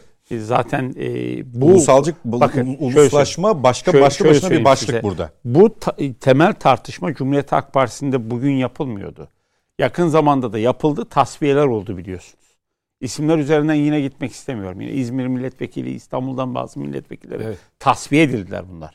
Bu bu bu, bu tartışma e, e şimdi şö, şöyle olacaksa e, Mustafa Kemal Atatürk'ün ortaya koyduğu ilkeler üzerinden gidilip de parti tüzüğü sadakatiyle hareket edeceksek zaten bugün Cumhuriyet Halk Partisi'nin izlediği ve Sayın Çelebi'nin gündeme getirdiği bu eleştiriler haklı ve buna Cumhuriyet Halk Partisi nazarında katılmak mümkün değil. Seçmen de katılmayacak buna ben size söyleyeyim. Peki. Zaten Sayın Çelebi'nin işaret ettiği yer esasında bu. Ama seçmenin gündeminde ne var derseniz baktığımızda ortada ciddi önümüzde duran özellikle pandemi etkisiyle büyümüş iktisadi sorunlar var. Ekonomik... Bu iktisadi sorunlar ister istemez bunları örtüyor, kılıflıyor. Dolayısıyla o iktisadi sorunların ortaya çıkardığı manzarayı e, çözebilme yönünde ne koyabildiğiniz önemli. Benim biraz önce işaret ettiğim buydu ama kafasının arkasında biraz önce ifade ettiğim iki yazar üzerinden verdiğimi onlar okuduğunuzda görüyorsunuz. Maalesef e, Cumhuriyet Halk Partisi'nde böyle bir sorun var. O sorun seçimi kazanma hesaplı. Ya biz bu birliktelikle ancak bunu aşarız mı? Yoksa daha tehlikeli olan hani Avrupa yerel yönetimler şartını getiririz. Bu yerel yönetimler şartı bu arada AK Parti'nin hala tüzüğünde de veya e, şeyinde de duruyor. Yani e, ajandasında da duruyor. Bu Avrupa Birliği veya Avrupa yerel yönetimler şartını Türkiye Cumhuriyeti'nin bu sosyolojik yapısı ve yaşadığı sorunlarla kabul edip uygulayabilmek mümkün değil. Çünkü bugün o 6-8 Ekim 2014 tarihli hadiselere baktığınızda bugün dava konusu edilen e, öz yönetim, özellik üzerine çıkan bir tartışmayla o hale geldi o kalkışma. Doğru. Dolayısıyla bunları baktığımızda bizim bence bütün siyasi partiler olarak ajandamızda farklı olan bir siyasi partiyi kenarda tuttuğumuzda e, tartışmasız bir biçimde bugün o Avrupa yerel yönetimler şartının yanında olabilmemiz mümkün değil. O bahsettiğiniz işte anayasanın ilk üç maddesi temelli tartışmayı açabilmek Peki. mümkün değil. Yani bunlar bunlar bunlar da e, Sayın Mehmet Ali Çelebi'nin e, söylediklerine e, aynen işaret ediyorum ve katılıyorum da. Ama dediğim gibi e, seçim e, genelden olma, özele gelmek ha, lazım diye. E, oraya oraya gelmeniz evet. lazım. Oraya gelmediğiniz takdirde eksik kalıyor. Ben Peki Mustafa Şen'in e, bu konudaki görüşleri Şimdi e, Sayın Çelebi'ye ve Sayın Aksoy'a bu e, çabaları dolayısıyla teşekkür etmek gerekir. Önce teşekkür edelim. Bunların pek çoğunu biz zaman zaman söylüyoruz. Ve dolayısıyla da buradaki bir kısım cümlelere aynen katılıyorum. E, ama e, bazı eleştirilerim ve bazı endişelerim de var. Ciddi eleştirilerim ve ciddi endişelerim de var. Şimdi e, birkaç tane katıldığım şey söyleyeyim. Mesela e, biz bize yeteriz meselesi var ya yani CHP olarak.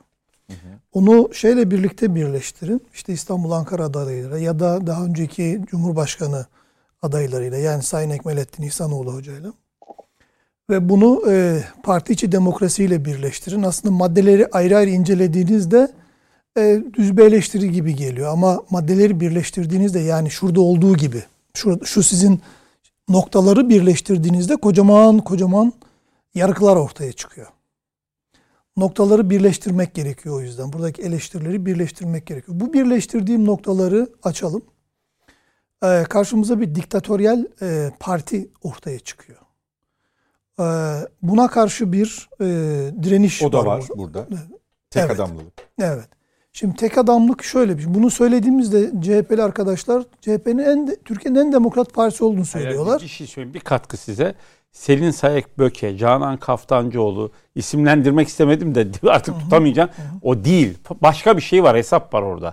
O hesaba işaret ediyor. İsimlendirmemişler çünkü parti milletvekilleri isim koymuyorlar ama orada ana tartışma başka bir yerde. Ee, yönlendirdikleri kişiler de belli, Tabii, tabii. kastettikleri de belli. Ya, tabii canım belli yani orada şimdi- bir Evet, evet. şey var. Bir Me- artık me- şöyle bir mevzu şöyle bir şey. Parti içerisinde demokrasi olmadığı vurgusunun o kadar e, böyle belirgin e, aslında ayyuka çıkmış ama CHP tarafından saptırılarak gündem dışı bırakılmış şeyler var ki. bunun abi parti içi demokrasiyle alakası yok. Diyor ki Cumhuriyet Halk Partisi evrildi diyor. Hayır, Biz bu zihniyetle hareket edemeyiz. Bak yok, sö- söyledikleri bu- o Hocam şu anda. ikisi birlikte ikisi de, o da var, beriki de var. İkisi de var. Ben ikisine Yani diyor dikkat- siz diyor tüzüğünüze sadık değilsiniz diyor. Geldiğiniz ve birlikte hareket ettiğiniz o, o biraz önce bahsettiğim iki yazarın yazısında bazı isimlerin yönetime gelme biçimi e, tarihsel ortaya koyuluyor. Yani bunlar bilinçli yapıldı ve siz farklı yere gidiyorsunuz. Bu gittiğiniz yer Atatürk'ün partisi değil diyor. Bu. Tamamlasın bir Şimdi Mustafa. hocam Pardon. şimdi şöyle ben o noktada da itiraz ediyorum. Ee, eleştirilerim var ve endişelerim var. Bir iki noktada da. Şimdi birincisi şu Ekmelettin İhsanoğlu'nun Cumhurbaşkanlığı aday yapılması konusunda CHP yetkililerinin ve kurullarının hiçbir fonksiyonu olmadı. Pat diye karşılarına çıkıldı. Bu olacak denildi bitti. Genel başkan Tıpış tıpış oy vereceksiniz dediler. Tıpıştı bu şöyle. Bitti. Bu faşizmdir. Tak böyle oldu. Şimdi e, bu var. Öbür taraftan e, bir kısım yöneticilerinin de bu şekilde yapıldığını biliyoruz. Kaset mevzuların mesela şöyle demişti. Yüzü kapalı, kar maskesiyle kapalı birileri direkt asansörle en üst katı benim katıma çıkarak bana takdim ettiler. Yine hiç kimsenin haberi yok. Hatta kendisinin bile haberi yok kimin ona verdiğinden. Anlatabiliyor muyum? Yine bir demokrasi şey. Yani bunlar demokrasiye uygun şeyler değil. Bir başka şey diyor ki biz eee, şey yapıyoruz. e, illerde milletvekili kontenjanlar ayırıyoruz. Ne yapıyoruz? Eee, Temayül. tem- yok temal değil. Eee, Ön seçim mi? Ön seçimle halk belirliyor. Seçilemeyecek yerlerde CHP milletvekilinin çıkarılamayacağı illere basıyorlar insanları. Halk seçsin. Kimi kandırıyorsunuz? Seçilecek olan yerlere doğru dürüst kimsenin koyulmadığı bu tip böyle numaralarla demokrasicilik oyunlarıyla CHP bugüne kadar geldi. Şimdi üç tane CHP var. Mesela Muharrem İnce'nin istediği belediye başkan adaylarını göstermedi. Hepsini O- bu- tasfiye etti. en son Tabii birkaç örneği daha Tabii, var. Tabii tabii. Onu- Hepsini tasfiye etti. Şimdi e, Mehmet Sevgen nerede? Yılmaz Ateş nerede? Yıldıray Sapan nerede? Muharrem İnce nerede? Muharrem İnce'nin yakasından şeyi çıkardığı anda rozeti dedim tamam bitti. CHP'deki işini bitirdiler. Cumhurbaşkanı adayı yaparak da e, siyasetteki işini bitirdiler. Bundan sonra kendisi bir şey yapabilirse yapabilir. Bu, bunu dediğimde CHP arkadaşlar yıktılar ortalığı. Hayır tarafsız Cumhurbaşkanı. Ya dedim siz siyasetten anlamıyorsunuz. Göreceksiniz. Bundan sonra CHP ve e, Muharrem İnce diye bir şey yok. İki ayrı varlık olarak devam edecek bu. Şimdi bütün bunlara bakılıyor. Üç tane CHP var. Bir tanesi e, Atatürk dönemi ve onun devamı olan Cumhuriyet. Şey, Cumhuriyet Halk Partisi. Öbürüsü işte bugünkü tartışmaya geliyorum. E, Kemal Kılıçdaroğlu CHP'si ve bu tasfiye Cemal Kemal Kılıçdaroğlu CHP'si tasfiye edilmeye çalışılıyor.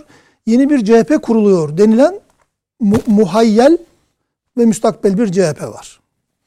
Şimdi e, sanki Kemal Kılıçdaroğlu CHP'si çok matah bir CHP'ymiş gibi, çok güzel bir CHP'ymiş gibi.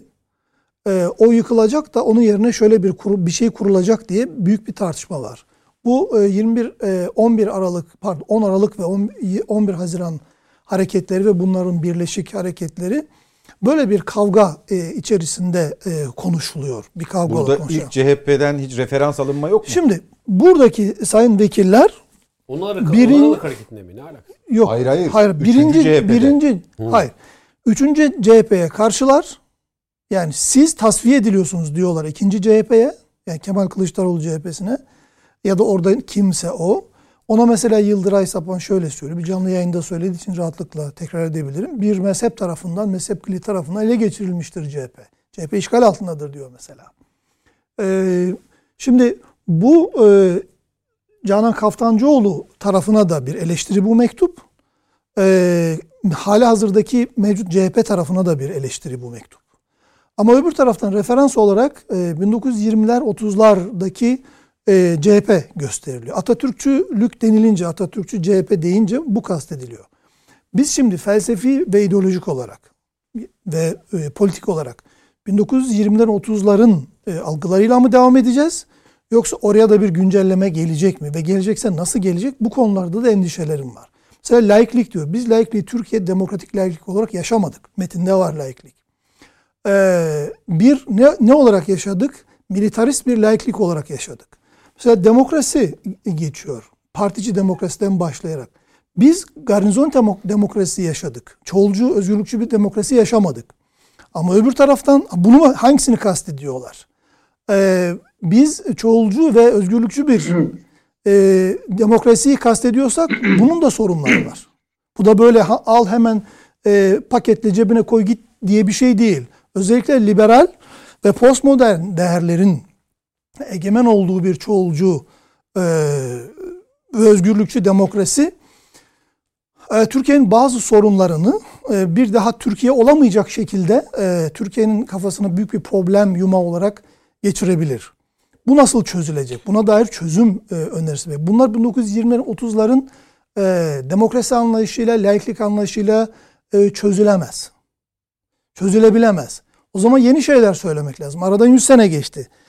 Bu tür mektuplarda ve bu tip arkadaşların, CHP'li arkadaşların bu söylemlerinde ben e, günümüzün sorunlarını Türkiye'yi, Türk demokrasisini büyütecek, Türkiye'yi büyütecek, e, geliştirecek şekilde bir çözüm önerisi şeklinde onlardan duyamıyorum. Bunları tartışmamız lazım. Evet. E, bunlar tartışmamız lazım. Peki. Ya sorun üç tane CHP var, e, bir CHP yok. E, herkes kendi CHP'sini beğeniyor, diğerlerini e, dışlıyor. Ama bana sorarsanız bugünkü CHP'nin de, dünkü CHP'nin de e, kurulmaya çalışılan CHP'nin de sorunları, sorunlu alanları var. Kurulacak olanı zaten bilemiyoruz ama az çok terör örgütü sözde başkanına güle güle komutan diye ağlayan birisinin nasıl bir CHP öngördüğünü az çok tahmin edebiliyorum. Peki. E, bir e, bir CHP olup bir CHP grup grubu olarak bir anayasa metni yazıp orada bir tane Türk kelimesini bir tane Atatürk kelimesinin geçmemesi gibi bir şeyden e, nasıl bir Türkiye e, öngördüklerini anlayabiliyorum. Ama halihazırdaki dur hocam bitmedi mi ya Ersan Hoca biz e, şey neyiz biz hocam? Soyaddaşız. Ha birimiz konuşmuşuz ha öbürümüz. Ben şu an onun yerine konuşuyorum. Yok Mücahit'e dönüyorum. Öyle mi? Mücahit birinci evet. Aa, e, şöyle yok hocam e, söz istiyor da ben de bitiriyorum. E, hocam her zaman söz ister. Ya. Muhtemelen itiraz edecek. o normal. Hocam Çoğulcu demokrasi bunu gerektiriyor. İtiraz etmezse normal. Evet. Ço çoğulcu demokrasi bunu gerektiriyor. Peki. Ee, şöyle. Ben e, bu tip bu tür arkadaşlardan, bu sayın milletvekilleri ve onlar gibi arkadaşlardan e, yani altı ok e, umdeleri üzerinden gidiyor bu bu bu zihniyet kalıbı. Bunu biliyoruz. Atatürkçülük üzerinden gidiyor. Ama bu Atatürkçülük e, bizim de kabul edebileceğimiz yani ben özgürlükçü demokrasi ve demokratik e, laikliği savunuyorum. Demokratik hukuku savunuyorum. Anlatabiliyor muyum? Bunu karşılıyor mu? Mevcut hale karşılaması beklenemez. O 100 sene önceki algılardı. Ee, bana onun endoktrinasyonunu yapacaksanız e, benim kafam öyle şeyler almaz. Onlara kapalı. Bana 2020'lerin 30'ların 50'lerin e, dünyasının e, sorunlarını çözebilecek şekilde bunu güncelleyebiliyorsanız lütfen güncelleyin. Çünkü buna Türkiye'nin ihtiyacı var. O, bu müzakereye ihtiyacı var. Türkiye'nin neye karar vereceğini bilmiyoruz. Bu müzakereyi bu arkadaşlarla gerçekten yapmak gerekir. Belki e, CHP'yi bu tartışma, bu zihniyet, e, zihniyet olumlu anlamda kullanıyorum. Bu zihniyet, bu paradigma... CHP zihniyeti değil. Hayır, hayır, evet. hayır. E, zihniyet zaten olumludur.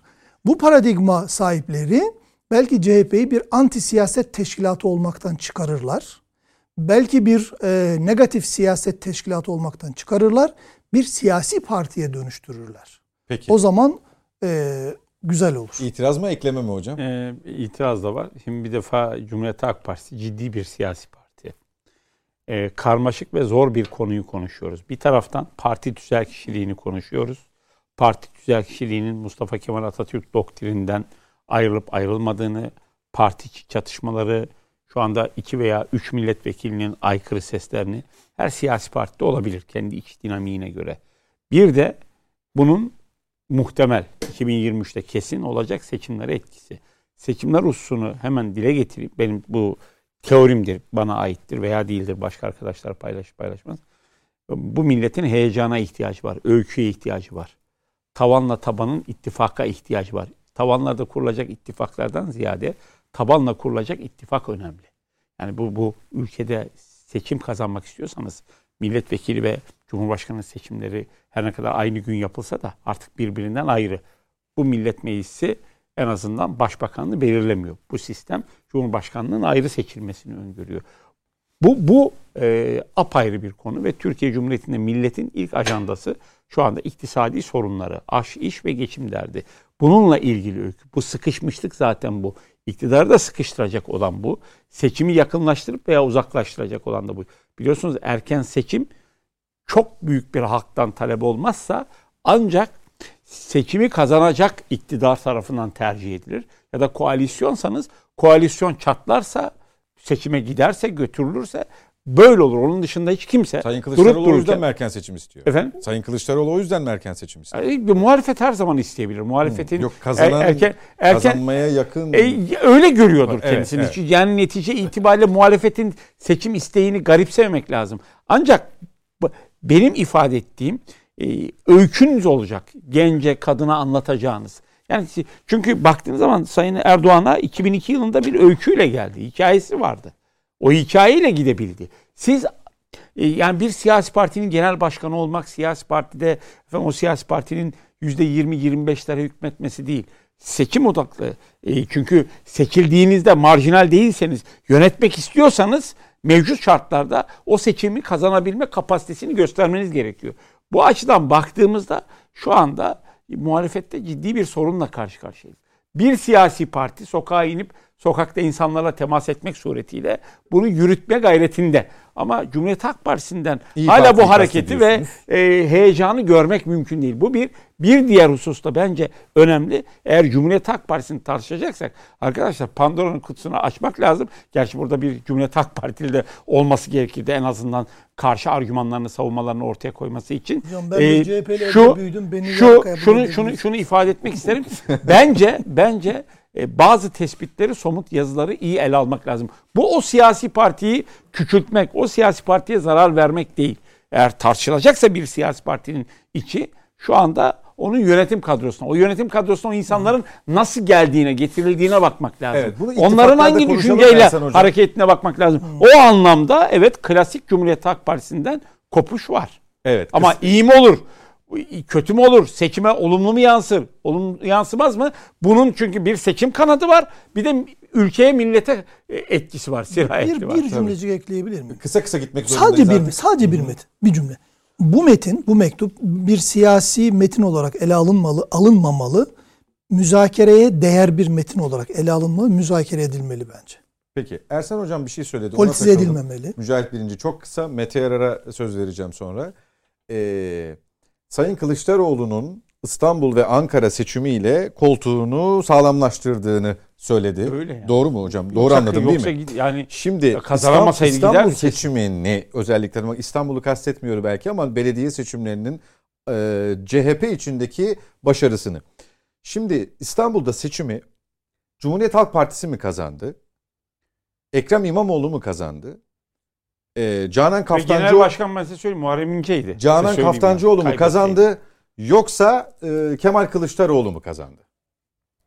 Ya, tabii bu e, kendi aralarında da karar verdikleri bir husus değil. Onu söyleyeyim bir kere. İlk önce Sayın İmamoğlu e, kahramanın hikayesi gibi bir kitap çıkarttı. Biliyorsunuz. Hı hı hı. Bunu e, işte o malum zat bu e, ajans işleriyle uğraşan e, o yazdı kitabı. Derleme bir kitaptır. Benzerini de Beylikdüzü'nde çıkartmıştı. Yine kendi fotoğrafı kapakta. Dolayısıyla o kitabı çıkarttıktan sonra e, Canan Kaftancıoğlu dedi ki hop bir dakika e, bu aynı zamanda benim ve teşkilatın başarısıdır dedi. Necati Özkan'a hitaben. Bu böyle bir e, Kendiniz, egosantrik sadece kendinize pay çıkarmayın. böyle bir egosantrik tavırın doğru olmadığı noktasında eleştiri yaptı Canan Kaftancıoğlu. Bir de bunu di- dillendirerek yaptı yani. Kapalı kapılarda da değil. E şimdi öteki Bunu taraftan bakınca biliyor musunuz? Geliyorum. Tahmin etmişsinizdir de. Yani eğer bu e, o kahramanın başarısıysa e, Sayın Kılıçdaroğlu'nun hanesine bir şey yazmadı. Şöyle düşündü Sayın İmamoğlu ya da Sayın Kaftancıoğlu. Ya biz olmasaydık belki. ben buraya aday olmasaydım sizin teşkilatını yani il teşkilatının desteğini arkamda hissetmeseydim ikisi birlikte söylüyorum.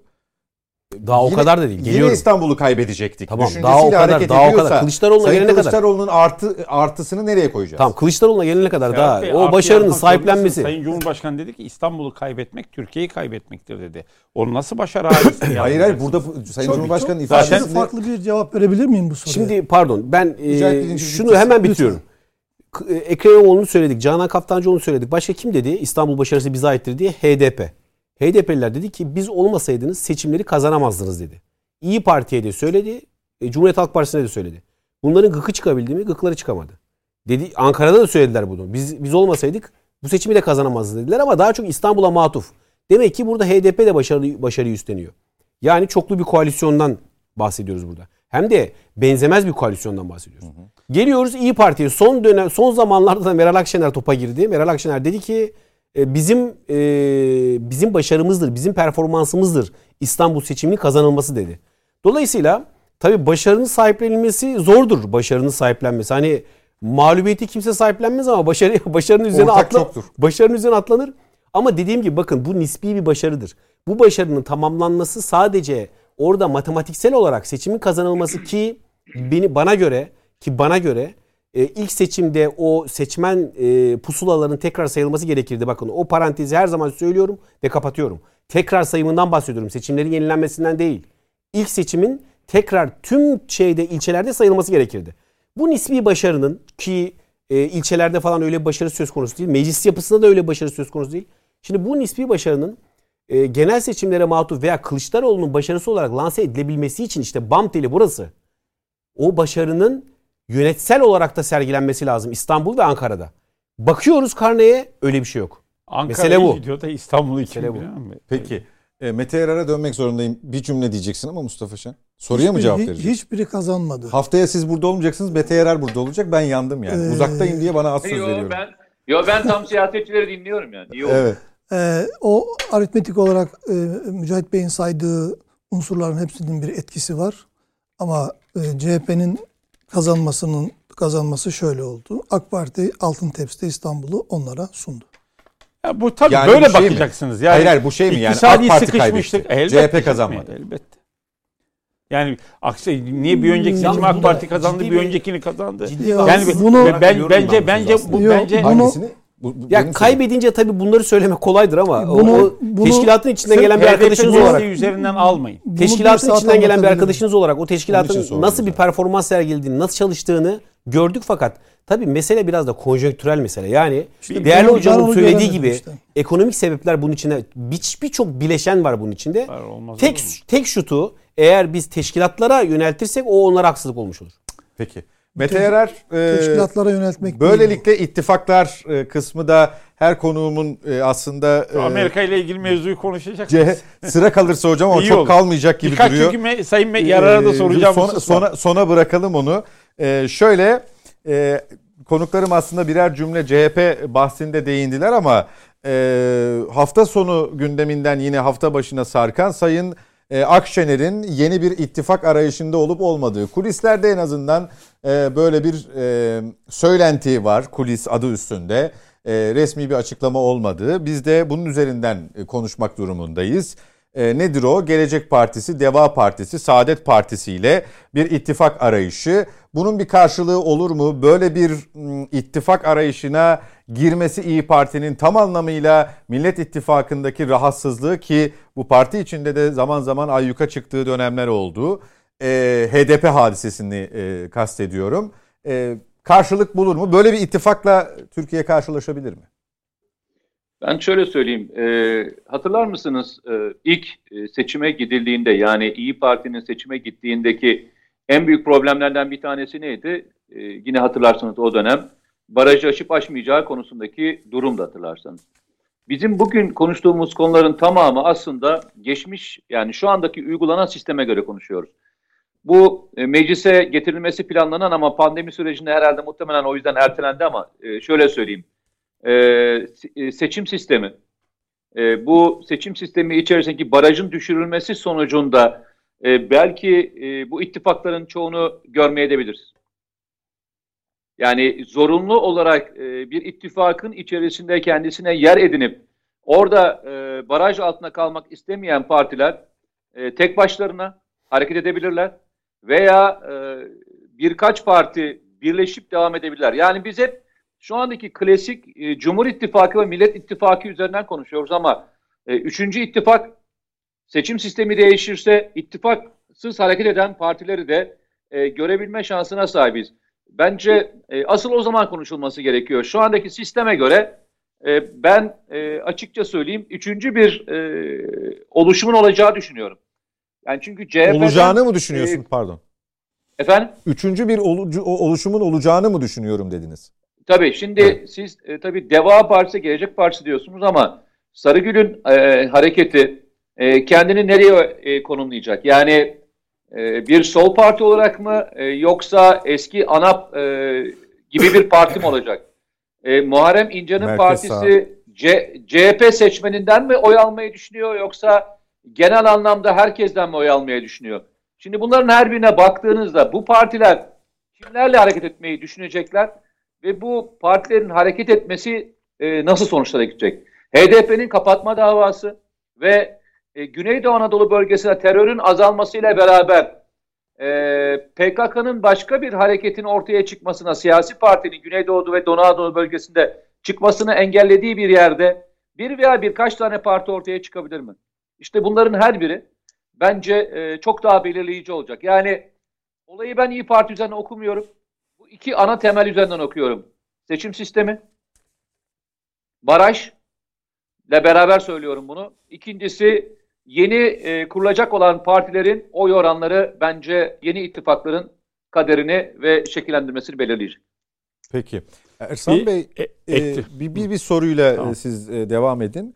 E, Cumhur İttifakı'nda yani karşıda bunlar oluyor ama Cumhur İttifakı'nda son zamanlarda Sayın Bahçeli'nin e, sıklıkla açıklama yaptığını özellikle sosyal medyadan Twitter üzerinden yaptığını görüyoruz. Ha bunu tabii e, boşa yapmıyor. Hem partisi üzerinden hem Cumhur İttifakı üzerinden e, getirilen eleştirilere bir karşılık niteliğinde bir anlamda da ittifakın konsolidasyonu açısından bunu gerekli görüyor. Ama dilini de oldukça sertleştirdi. E, Sayın Akşener'in e, o sokak e, vurgusunu yapmıştınız az önce. E, acaba halktan böyle bir rahatsızlık HDP'ye ilişkin Millet İttifakı'nda bulunmaya ilişkin bir e, süzme yani süzerek e, aldığı eleştirilerden böyle bir arayışa gidebilir mi? E, adı geçen partilerle üçüncü bir ittifak İyi Parti'ye ne kazandırır ya da ne kaybettirir? Tabii Millet İttifakı hiçbir zaman HDP'yi kendi içinde görmedi. Resmi olarak böyle bir kabul yok. Böyle bir sözleşme yok ortada. Özellikle belediye seçimleri Ama artık o gizliliğin kaybolduğunu yani, biliyoruz. işte Yani en azından belediye seçimleri açısından bunu söylemek mümkün. Bunu başka yerlerde de bu örnekleri İyi Parti açısından gördük. Neticede e, ama açık bir ittifak yok. Çünkü dokunan yanar. Evet bu siyasi parti var. Bu siyasi parti neticede e, kayıtlı seçime giriyor. 6 milyon civarında seçmeni var. E, ancak hiçbir diğer siyasi partide en azından bilinen e, üst seviyede işte mecliste grubu bulunan siyasi partilerde maalesef ittifak yapabilme imkanına sahip değiller. Özellikle e, Sayın Bahçeli biliyorsunuz e, hatırlarsanız 7 Haziran 2015 tarihli seçimden sonra e, yapın HDP ile ittifakınızı ne haliniz varsa görün dedikten sonra 1 Kasım 2015 tarihinden itibaren Türkiye Cumhuriyeti hakikaten e, değişti. Yani o anlamda ve ortaya işte başkanlık sistemi beraberinde Cumhur İttifakı. Şimdi Sayın Cumhurbaşkanı e, bu ittifaka devam etmeyi gerçekten istiyor mu? İstiyor gözüküyor ama son e, bir siyasi parti temsilcisine yaptığı e, ziyaretten sonraki açıklamasında işte Cumhur İttifakı devam eder ama nasıl devam eder? Bir seçim ittifakı biçiminde mi devam eder? Başka bir şekilde mi cereyan eder? Başka katılan olur mu? Bunlara bakacağız dedi. İnsanlar da ben de şunu düşündüm Serhat Bey. Hakikaten 2023 yılı e, uzun bir dönemi ifade ediyor en azından bir iki yılı. Bu, yani e, bu kadar erken bu kadar erken bu olmalı mıydı diye düşündüğünüzde çünkü insanlar hakikaten siyaset değil başka sorunlara odaklanmayı, siyasi parti temsilcilerinin birbirleriyle e, atışmalarını, tartışmalarını, kısır döngü o politik tartışmalardan ziyade hakikaten ağır pandemi sürecinin de beraberinde ortaya koyduğu iktisadi sorunları çözme yönünde muhalefetten öneriler sadece sorunlar ortaya koyma değil. Tamam sorunlar bu ama çözümünüz ne? İktidardan da bu sorunların çözülmesini istiyor. Yani asıl odaklanmamız gereken yer bunlar. Bunun dışında sürekli gündem değişiklikleriyle ne kadar birkaç gün bunlar ötelense de maalesef önümüze gelen en can yakıcı sorun kendisini iktisadi sorunlar olarak gösteriyor. Geldiğimiz yerde Sayın Akşener'in o sahaya inmesi, o sokakla teması, esnafla görüşmesinin ana sebeplerinden birisi seçimin en azından kazananı olmak istiyorsa veya partisini güçlendirmek istiyorsa sokakla yapılacak ittifak, tabanla yapılacak ittifak olduğunu gördü. Doğru hareket ediyor. Ben size söyleyeyim. Ben bunu daha önce de ifade ettim. Diğer siyasi partilerin de izlemesi gereken yolu. Sayın Cumhurbaşkanı da o. Çünkü Sayın Cumhurbaşkanı sokaktan geldi. Sokak ittifakıyla geldi. Halkla geldi. Bugün başka yerlerde ittifak aramasına gerek yok ben size söyleyeyim. Tavanda yapılacak ittifakların tabanla evet etkisi olur ama taban başka. Yani taban kadından oluşuyor, gençten oluşuyor. Onlar bir hikaye dinlemek istiyor. Öykünüzü anlatmanızı istiyor. Coşku istiyor, inanmak istiyor. Ne anlatıyor Sayın Akşener? E, Sayın Akşener gidip bunların derdini dinleyip herhalde birebir temaslarında çözebileceğini ortaya koyuyor. Hayır çözeceğini ortaya koyuyor. Söylüyor, dinliyor. Yok ve bu süreçte dinlemesi bile bir şey e, tabii. Evet aynen öyle. Çünkü seçimden seçime sandıktan sandığa gelmeyin benim önüme diyor. Beni dinleyin. Yani ben Esenyurt'ta beni dinleyin. Ne bileyim Gazi Osman Paşa'da beni dinleyin. Efendim işte Topkapı'da beni dinleyin. İstanbul'un illa İstanbul'dan ibaret değil Türkiye Cumhuriyeti. 81 vilayette gel beni dinle. En azından dinle. Muhatap al. Çünkü ben seni seçiyorum. Yarın bir gün yine benim kapıma geleceksin ama seçim dayandığında gelme öncesinde gel.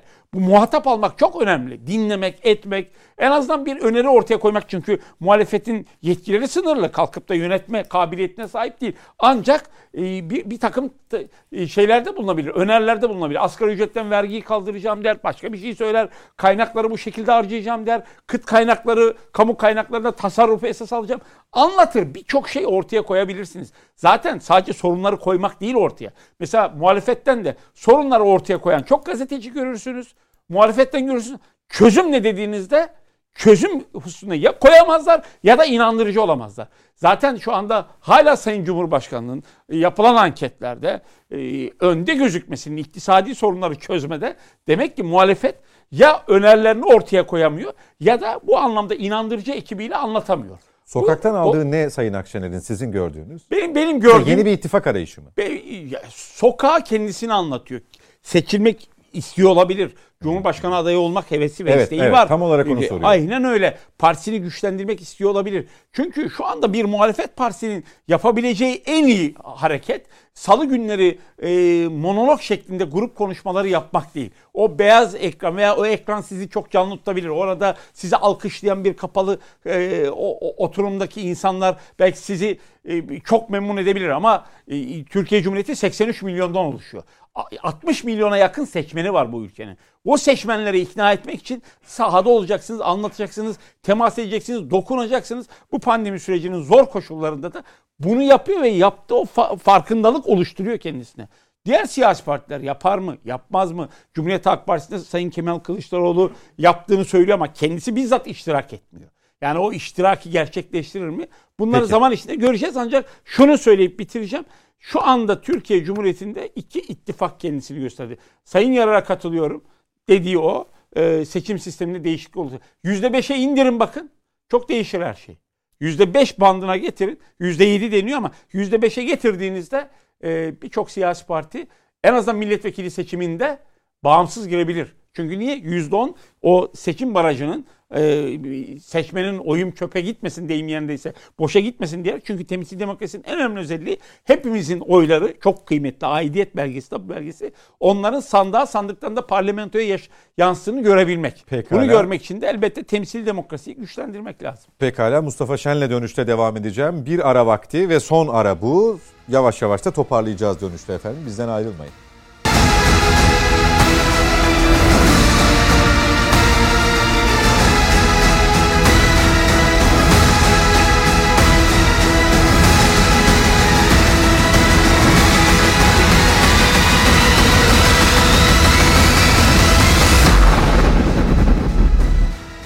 Devam ediyoruz efendim net bakışa kaldığımız yerden 2023'e doğru yeni ittifak arayışlarını konuşuyorduk araya gitmeden önce. Bu konuda Mustafa Şen'in söyleyeceklerini almamıştık. Alalım daha sonra biraz dış gündem yapıp tamamlayacağız programı. Mustafa Bey. Ee, teşekkür ederim. Ee, şimdi ittifak konusunda Sayın Akşener İyi Parti konusunda ben tevafuk yine bu salonda iki ay kadar önce burada bu stüdyoda İyi Parti ile Cumhur İttifakı'nın ittifak görüşmeleri yapması ve bir kısım görüşmeler ve gelişmeler olması iyi olur diye bir tavsiyede bulunmuştum. Aynı kanaatim devam ediyor. Sonrasında biz eve dönüş çağrılarını bulduk. Sonra Sayın Akşener'in bir eve evine giderkenki bir e, paylaşımını gördük. Çok muktedandı. Ee, şimdi e, bunu söylemem sebebi şu. Siyaset dinamik bir şeydir. Öncesinde memleket masası var onu da birleştirebilirsiniz. Memleket masası var. Ee, eve dönüşte birlikte o birlikte konuşulabilir. Ee, siyasetin böyle dogmaların olmaması gerekiyor. Dogmatik bir şey olursa siyaset e, memleketin sorunlarına çözüm bulamazsınız. Dünyanın sorunlarına çözüm çözüm bulamazsınız. Dinamik olmak zorunda, mümkün olduğunca ilkesel ama e, daha çok siyasetin ama ondan daha çok da memleketin meselelerinin çözümüne yönelik üçüncü yollar bulma sanatına dönüşmeli siyaset. Yani A şıkkı, B şıkkı ikili. Ya ak ya kara. Öyle bir şey yok. Gri de olabilir. Ya siyah ya beyaz. Hayır. Gri'nin sekizinci tonu da olabilir. Anlatabiliyor muyum? Üçüncü yollar bulunmalıdır. İyi düşünürse o üçüncü yollar hep bulunur. Yine şu sizin noktalardan hareketle bir şey söyleyeceğim. Bakın iki nokta şöyle birleşti. Başka türlü birleşmez. Bak başka bir sürü birleşiyor. Görüyor musunuz? Ee, bu noktaları birleştirme, birbirine bağlama meselesine de zaten akıl deniliyor. Akıl denilen şeyin anlamı Arapçadaki o bağıntı, matematikte kullandığımız bağıntı e, karşılığı. Bunu yapmak lazım. E, bunu niye söylüyor? İyi Parti cenahından baktığımızda bunu söylememin sebebi şu. E, HDP ile olan en azından resmi olmasa da gayri resmi birliktelik İyi Parti içerisindeki bir kısım arkadaşlar özellikle MHP kökenli ülkücü arkadaşları son derece rahatsız ediyor. Çünkü onlara göre de e, size göre de bana göre de HDP e, bir e, terör destekleyicisi bir partiye dönüştü. Bir Türkiye partisi değil. Kesinlikle Türkiye'nin alim menfaatleri söz konusu olduğunda mecliste diğer partiler, grubu olan partiler bir araya gelip ortak bir deklarasyonu imza atarken o bundan kaçınıyor. Gerçekten sormak isterim. Yani Ermenistan Partisi misiniz, Yunanistan Partisi misiniz, Türkiye Partisi misiniz? Bir vatandaş olarak bunu soruyorum. Bunu benim gibi İyi Parti içerisindeki e, pek çok arkadaş da soruyor. Yani ayırmayayım ikiye. Pek çok arkadaş da Doğrusu soruyor. Kemal Kılıçdaroğlu'nun dostlardan neyi anlattığını esasında irdelemek lazım belki. Dostlarımızla seçim kazanacağız dediği zaman o dostların kapsamına kim giriyor? Mesela şöyle bir şey var. Dostlara ben dışarıdan bir şey katayım hocam. Kılıçdaroğlu birkaç sene önce gitti Almanya'da bir yerde bir beyanat Bunu ısrarla verdi. birkaç defa söyledi. De- dedi ki e, biz e, bize destek verirseniz Erdoğan'ı e, yenebiliriz. Avrupa'ya söylüyor. Avrupa'ya söylediği zamanların bir zaman sonrasında Biden Amerika'dan dedi ki Türkiye'deki dostlarımızla Er- Erdoğan'ı değiştirebiliriz. Şimdi bütün bunlar bütün bunlar bize İyi Parti'nin yerinin e, kendisi tarafından en azından yeniden değerlendirilebileceği fikrini getiriyor. İyi Parti'nin İyi Parti'nin bunu değerlendirebileceği gibi Cumhur İttifakı'nın da şu iki e, ilke gereği bunu yapmasının gayet normal olduğunu söylüyorum. Birinci ilke hiçbir parti dogmatik olmamalıdır. Dolayısıyla hiçbir ittifak dogmatik olmamalıdır. Siyasetin dogması olmamalıdır. Dolayısıyla dogmatik söylem de geliştirmemeli. Dogmatik söylem de olmaz. Onlar Bence ya seçime bağımsız da girebilir yani illa ittifakta da olmak zorunda değil. Yo ben şöyle e, bu bu sistem iki büyük çark halinde dönen iki büyük siyasi yapı gerektiriyor. Sistem açısından Öyle böyle. ama bir türlü gitmiyor ona. Ba- Ama bu işte bir şöyle. değişiklik olursa. Bu bu bunu e, olması yönünde belli çalışmalar var benim bildiğim. E, seçim kanunu üzerine, siyasi partiler kanunu üzerine e, birileri e, bir, bir, bir şeyde AK Parti cenahında bazı kurullar çalışıyor, gruplar çalışıyor diye biliyorum ben. Şu saatte beni arayan birisi herhalde televizyon seyretmiyordur değil mi? Evet. O bir Başka çıl- kanal izliyor olabilir. O bir çılgın Boğaziçi'yle onu reddediyorum. Seyretmediği için bizi. TVNet seyretmediğinden dolayı telefonunu açmıyorum. Şimdi efendim e, Belki seyrederken arıyordur. Dikkatini bu, dağıttı. ha, Evet. bu, bu hepten berbat o zaman. Evet.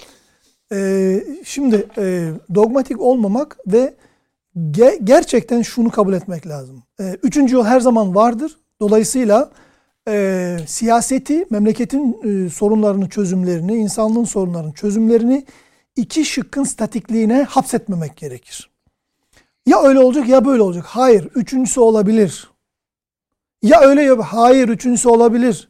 Olabilir, olabilir, olabilir. Akıl eğer o hapishaneye, ikinin hapishanesine sokulmazsa üçü her zaman bulur. Her zaman bulur, her zaman bulur. Yeter ki siyasiler buna hazırlıklı olsunlar. Zihinlerini e, ikinin konforuna düşürmesine, o iki, iki üzerinden gitmek siyasette e, ikinin statikli üzerine gitmek her zaman bir konfor alanıdır. Ne güzel memleket dönüyor. Nasıl işte memleket yönetiliyor. Ben de burada keyfime bak. Böyle şey olmaz. E, dinamizmin zorluğuna talip olmak gerekir. E, bu yapılabilir. E, şeyler değişince, e, baraj e, değişince, düşünce bir kısım farklı şeyler olabilir. Mesela bazı partilerin oy oranları artabilir. Ama 7'ye düşünce pek olmayabilir. 4'e 5'e düşünce olabilir. Ama barajla birlikte seçim sisteminin sistematiğinin de değiştirilmesi gerekir. Mesela dar bölge sistemi daral, e, pardon daraltılmış bölge sistemi üzerinden Türkiye'nin daha e, adil e, temsil gücünün daha yüksek olduğu ya da halihazırda çok yüksek Türkiye'de temsil gücü, seçmenin kendini temsil etme gücü onu fazla düşürmeden daraltılmış bölge ile e, gitmenin e, seçim sonuçları çözümsüzlük üreten ya da kaos üreten bir e, sorunu açmadan da seçimin sonuçlanmasını sağlayabilme e, yeteneğine sahip. Bunun hesapları, kitapları siyaset bilimi kürsülerinde yapılıyor, enstitülerde yapılıyor. Onlardan siyaset bilim hocalarından e, bunun e, Peki, desteği istenebilir. Son cümlem e, bu durumda yani baraj düşürülür, düşürülürken daraltılmış bölge şeklinde baraj düşürülmeli. Yani şu sistemle barajı düşürmenin e, da bir faydası olabilir ama madem bir şey yapıyorsunuz en faydalısını yapın. En faydalısı bana diyelim yüzde beş baraj ya da yüzde yedi baraj. Yüzde beş baraj işte e, beşli ya da yedili daraltılmış bölge. Tam e, olunca e, sorun çıkabiliyor. Mesela e, yani dar bölge sistemiyle bunu ben hatırlıyorum 2000 e, kaçlar yılın tam hatırlamıyorum ama e, daraltılmış bölgeyle e, götürüldüğünde AK Parti 400 civarında oy alıyordu. Öyle bir simülasyon yapılmıştı. Bu Sayın Başbakan Erdoğan'a o zaman götürüldüğünde bunun adil olmayacağını e, söyleyip geri çeviriyor mesela. Peki. Yani oyların çoğunu alıyoruz ama yani bu yani çok da demokratik değil demiş oluyor ve bunu reddediyor. Dolayısıyla daraltılmış bölge üzerine çalışıp beşli yedili milletvekili yüzde beş baraj şimdiden çalışılsa, sonuçlandırılsa iyi olur gibime geliyor. Bunu bir müddet daha konuşacağız ve ittifak arayışlarında da e, tablonun değişmesine yönelik de gelişmeleri yakından izleyeceğiz gibi duruyor. Gelelim Amerika Birleşik Devletleri'ne son 10 dakikamız 3'er dakikayla değerlendirir konuklarım diye düşünüyorum. Mete Yarar e, diken üstünde Amerika Birleşik Devletleri deyim yerindeyse biraz bizimle olan ilişkilere yönelik projeksiyonlarda bulunacaktık ama Amerika kendi derdine düşmekten herhalde bizimle ilişkileri çok gözetecek gibi ilk etapta durmuyor. Ee, bir not e, FBI Biden'ın e, saatler kala yemin töreni öncesinde burası çok önemli güvenlik güçleri içinden düzenlenebilecek olası bir saldırıya karşı önlem almak amacıyla Ulusal Muhafız Birliği bünyesinde Washington'da görev yapacak 25 bin askeri güvenlik taramasından geçiriyormuş e, bir başka durumda devir teslime saatler kala caddelerde silahlı gruplar geziyor. Buna neden izin veriliyor? E, Amerika'da e, yasa biraz ilginç. E, insanların e, silah kullanması ve sokakta gezmesiyle ilgili biraz mevzuat karışık olduğu için o konu e, bizim gibi e, değerlendirmeyin. E, hatta bu en büyük anayasa onların kendi federal hak, mahkemesinden çok karşılanan konulardan bir tanesidir silah alımı veya silaha yasak getirilmesi e, anayasal bir haktır e, mevzusuna kadar giden bir e, süreç. O yüzden hani onların e, şeyleri değişik ama ben şunu söyleyeyim. Milli muhafızların e, bu süreç içerisinde e, silahlarındaki şarjörler hatta silahları, mermileri ve diğerleri alınabileceği söyleniyor. Sana o kadar söyleyeyim. Yani e, milli muhafızlar yalnızca e, vücutlarıyla bir kalkan oluşturacaklar. Sanırım e, silahlı olan gruplar e, daha çok federal e, polisler yani federal e, FBI artı birkaç grubun gizli servisin silahı haricinde başka grupların elinde silah olmayacak veya silahlarında en azından mermi olmayacak gibi bir izlenim var şu anda. Yani bu bile e, yıllardan beri konuştuğumuz bir konunun e, tezahürü. E, çünkü hatırlarsanız neydi şu konuştuğumuz konu? Bu kadar çok radikalizm ve bu kadar aşırı milliyetçilik bir yerde patlar. Yani bunu kontrol edemezsiniz. Gideceğiniz yer başka bir noktadır. Ve en son geldikleri noktada bu. Yani bazen şunu eleştiri yapıyorlar ya işte etme bulma dünyası. Bu etme bulma dünyası değil. Dünyanın her yerine bu kadar çok asker gönderip ve orada birçok suça karışmış askeri isterseniz Blackwater tipi adamları düşünün. isterseniz terör örgütlerine ya YPG, PKK'ya katılan ve daha sonra kendi ülkesine dönenleri düşünün. Ve ülkesinde de silah alabilme potansiyeline sahip olduğunu düşünün. Siz bunu kontrol edebilir misiniz? Mümkün değil. Yani Amerika'nın en büyük derdi e, daha önce suça karışmış olan ve suça karışanları tölere ettiği sistem şu anda Amerika'yı kendi iç sistemi olarak yiyip bitiriyor. En büyük dertleri bu şu anda. Peki. İşte Irak'ta e, binlerce insan öldürülüyor ve siz o binlerce insanı öldüren kişileri affediyorsunuz. E, başka bir yerde Afganistan'da olaylar çıkıyor. Afganistan'daki olayları görmezden geliyorsunuz. Ve bunları e, normal e, insan psikolojisi değerlendiriyorsunuz. Hayır bunların her biri şu anda Amerika Birleşik Devletleri'nde dönüyor. Hatırlarsanız e, kongreyi basanlar ve öldürülenlerden bir tanesi e, eski bir 17 yıl galiba hava kuvvetlerinde çalışan bir asubay. Asubay. E, içlerinde bir sürü e, albaylar, içinde bir sürü subaylar, bir sürü eski asker var. Yani olayın nereye geldiğini o yüzden anlayın. E, muhtemelen FBI profil çıkarttığında bundan sonra çıkacak olan profili gördüğü için e, muhtemelen tedbir alıyor. Ki e, milli muhafızlar e, diğerlerine göre daha disiplinsiz diyebileceğimiz, daha yedek kuvvet olarak görünen bir grup. E, bu nedenle onun içine sızmaları e, çok daha kolay olabilir. Peki. Enteresan bir durum aslında evet. Mücahit Bey. Ee, yani yani şeydeki hatırlıyor musunuz? Ee, Ziya Ül Hak'ın öldürüldüğü olayı hatırlıyor musunuz? Evet evet. Hani bir e, resmi geçit töreninde evet. arabanın içerisinden çıkanlar e, ateş ederek öldürmüşler. Doğru. Yani resmi geçit töreninden çıkan bir grup e, Ziya Ül Hak'ı öldürmüştü yanlış hatırlamıyorsam. Şeyin evet. e, Mısır devlet başkanına. Uçağı düştü. Evet. Mısır Mısır, Mısır, Mısır, doğru Ziya Ül Hak Pakistan'ın o şey uçağı düştü. Pardon pardon. Sedat Sedat'ı mı söylüyorsunuz? Enver Sedat. Enver Sedat. Enver Sedat. Enver Sedat. E, Enver Sedat'ı öldüren. Evet resmi geçti. Birçok birçok filme birçok filme de film Konu, senaryosuna da konu oldu zaten. İstanbul'u şimdi e, bu Amerika Birleşik Tamamladınız mı Mete Yarar? Yani böyle bir olaydan korkuluyor. Düşünün Amerika'nın geldiği yeri. Evet.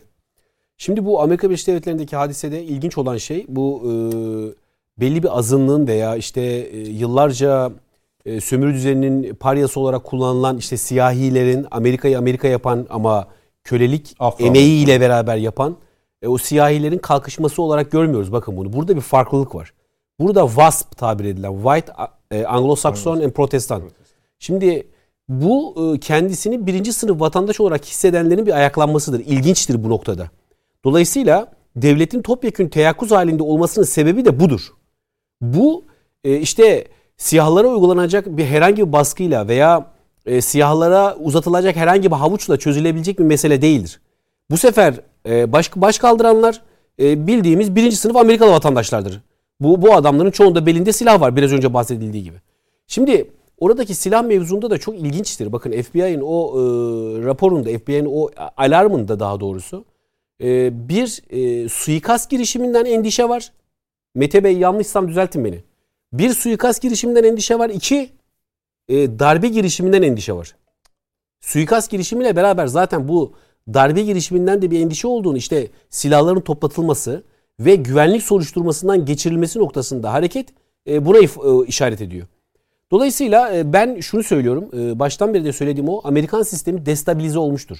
Bu destabilizasyonun en ciddi bir tezahür ettiğini şu andaki en ciddi tezahürünü görüyoruz biz bu destabilizasyonun. Biraz önceki ifadeler doğru. Yani bu kadar siz bu kadar kirli siyasetten sonra bu bedeli e, hani korunaklı Amerika'ydı ya okyanus ötesinde ve nispeten Avrupa'ya göre çok daha korunaklı. Zavallı Avrupa bütün dünya savaşlarında e, üzerinden silindir geçmiş hale geliyor. Amerika geliyor kurtarıyor.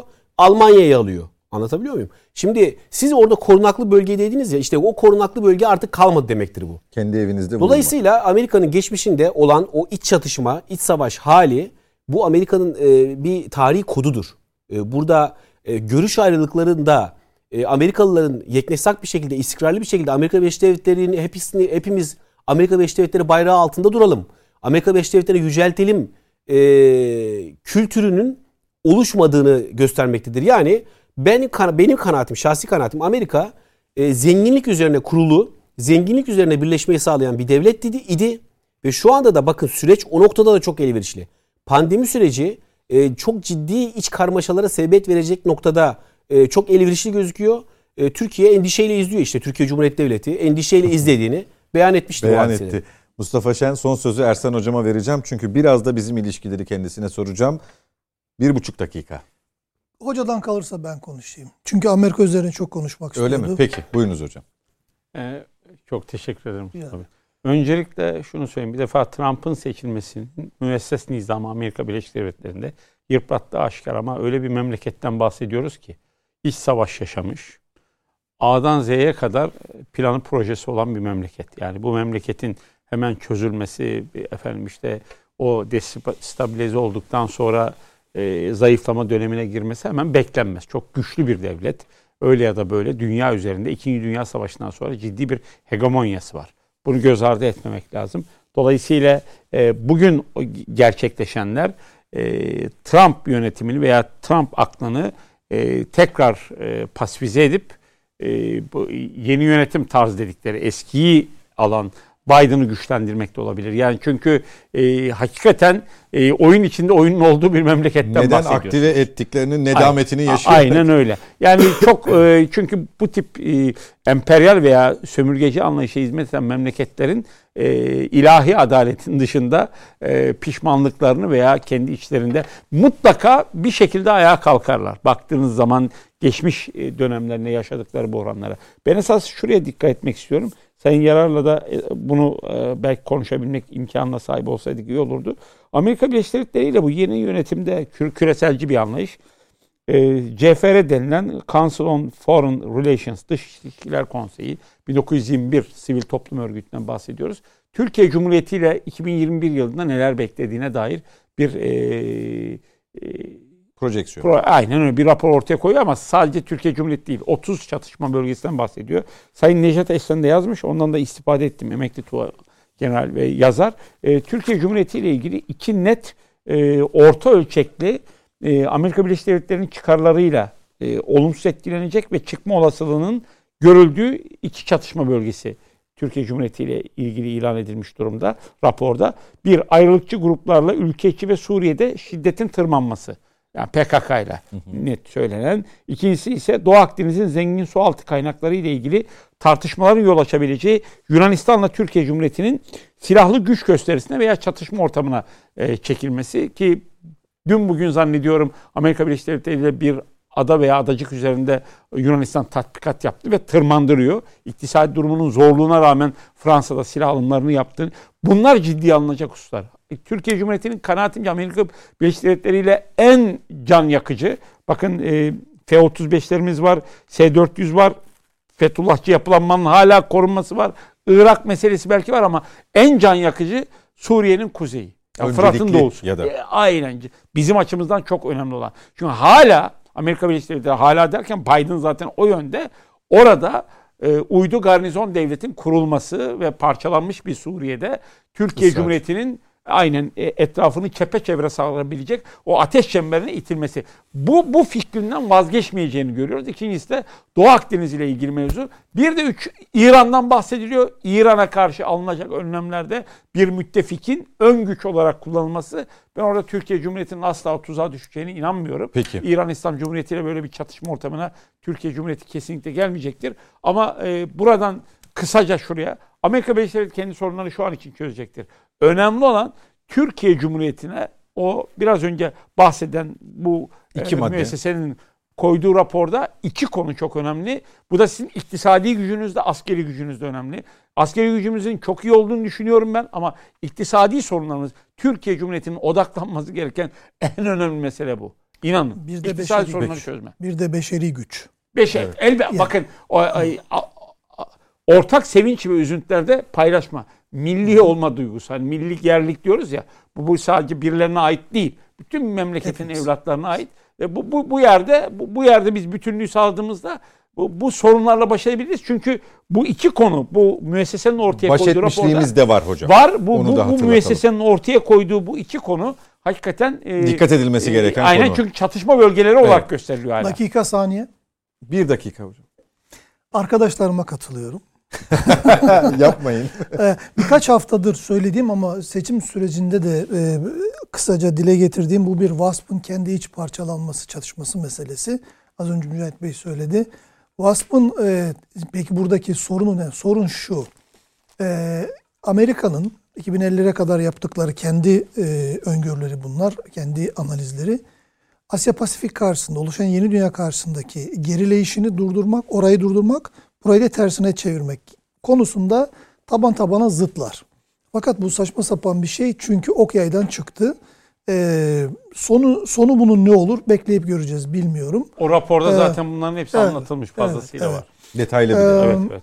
Ben e, öz olarak şunu söyleyeyim. E, biz e, az önceki turda da söylediğim e, dinamik siyaset, dogmatik olmayan siyaset üzerinden gidersek Amerika-Türkiye ilişkilerinde de e, sorunları çıkmadan öngörebiliriz, çözebiliriz. Çıkarsa da çözebiliriz. Öbür Peki. türlü o statik e, iki şıkka indirgersek ya öyle ya böyleye sorunlar büyüyebilir. Biz ona odaklanmalıyız. Mustafa Şen çok teşekkürler Eyvallah. katıldığınız için. Hocam çok teşekkür ediyorum.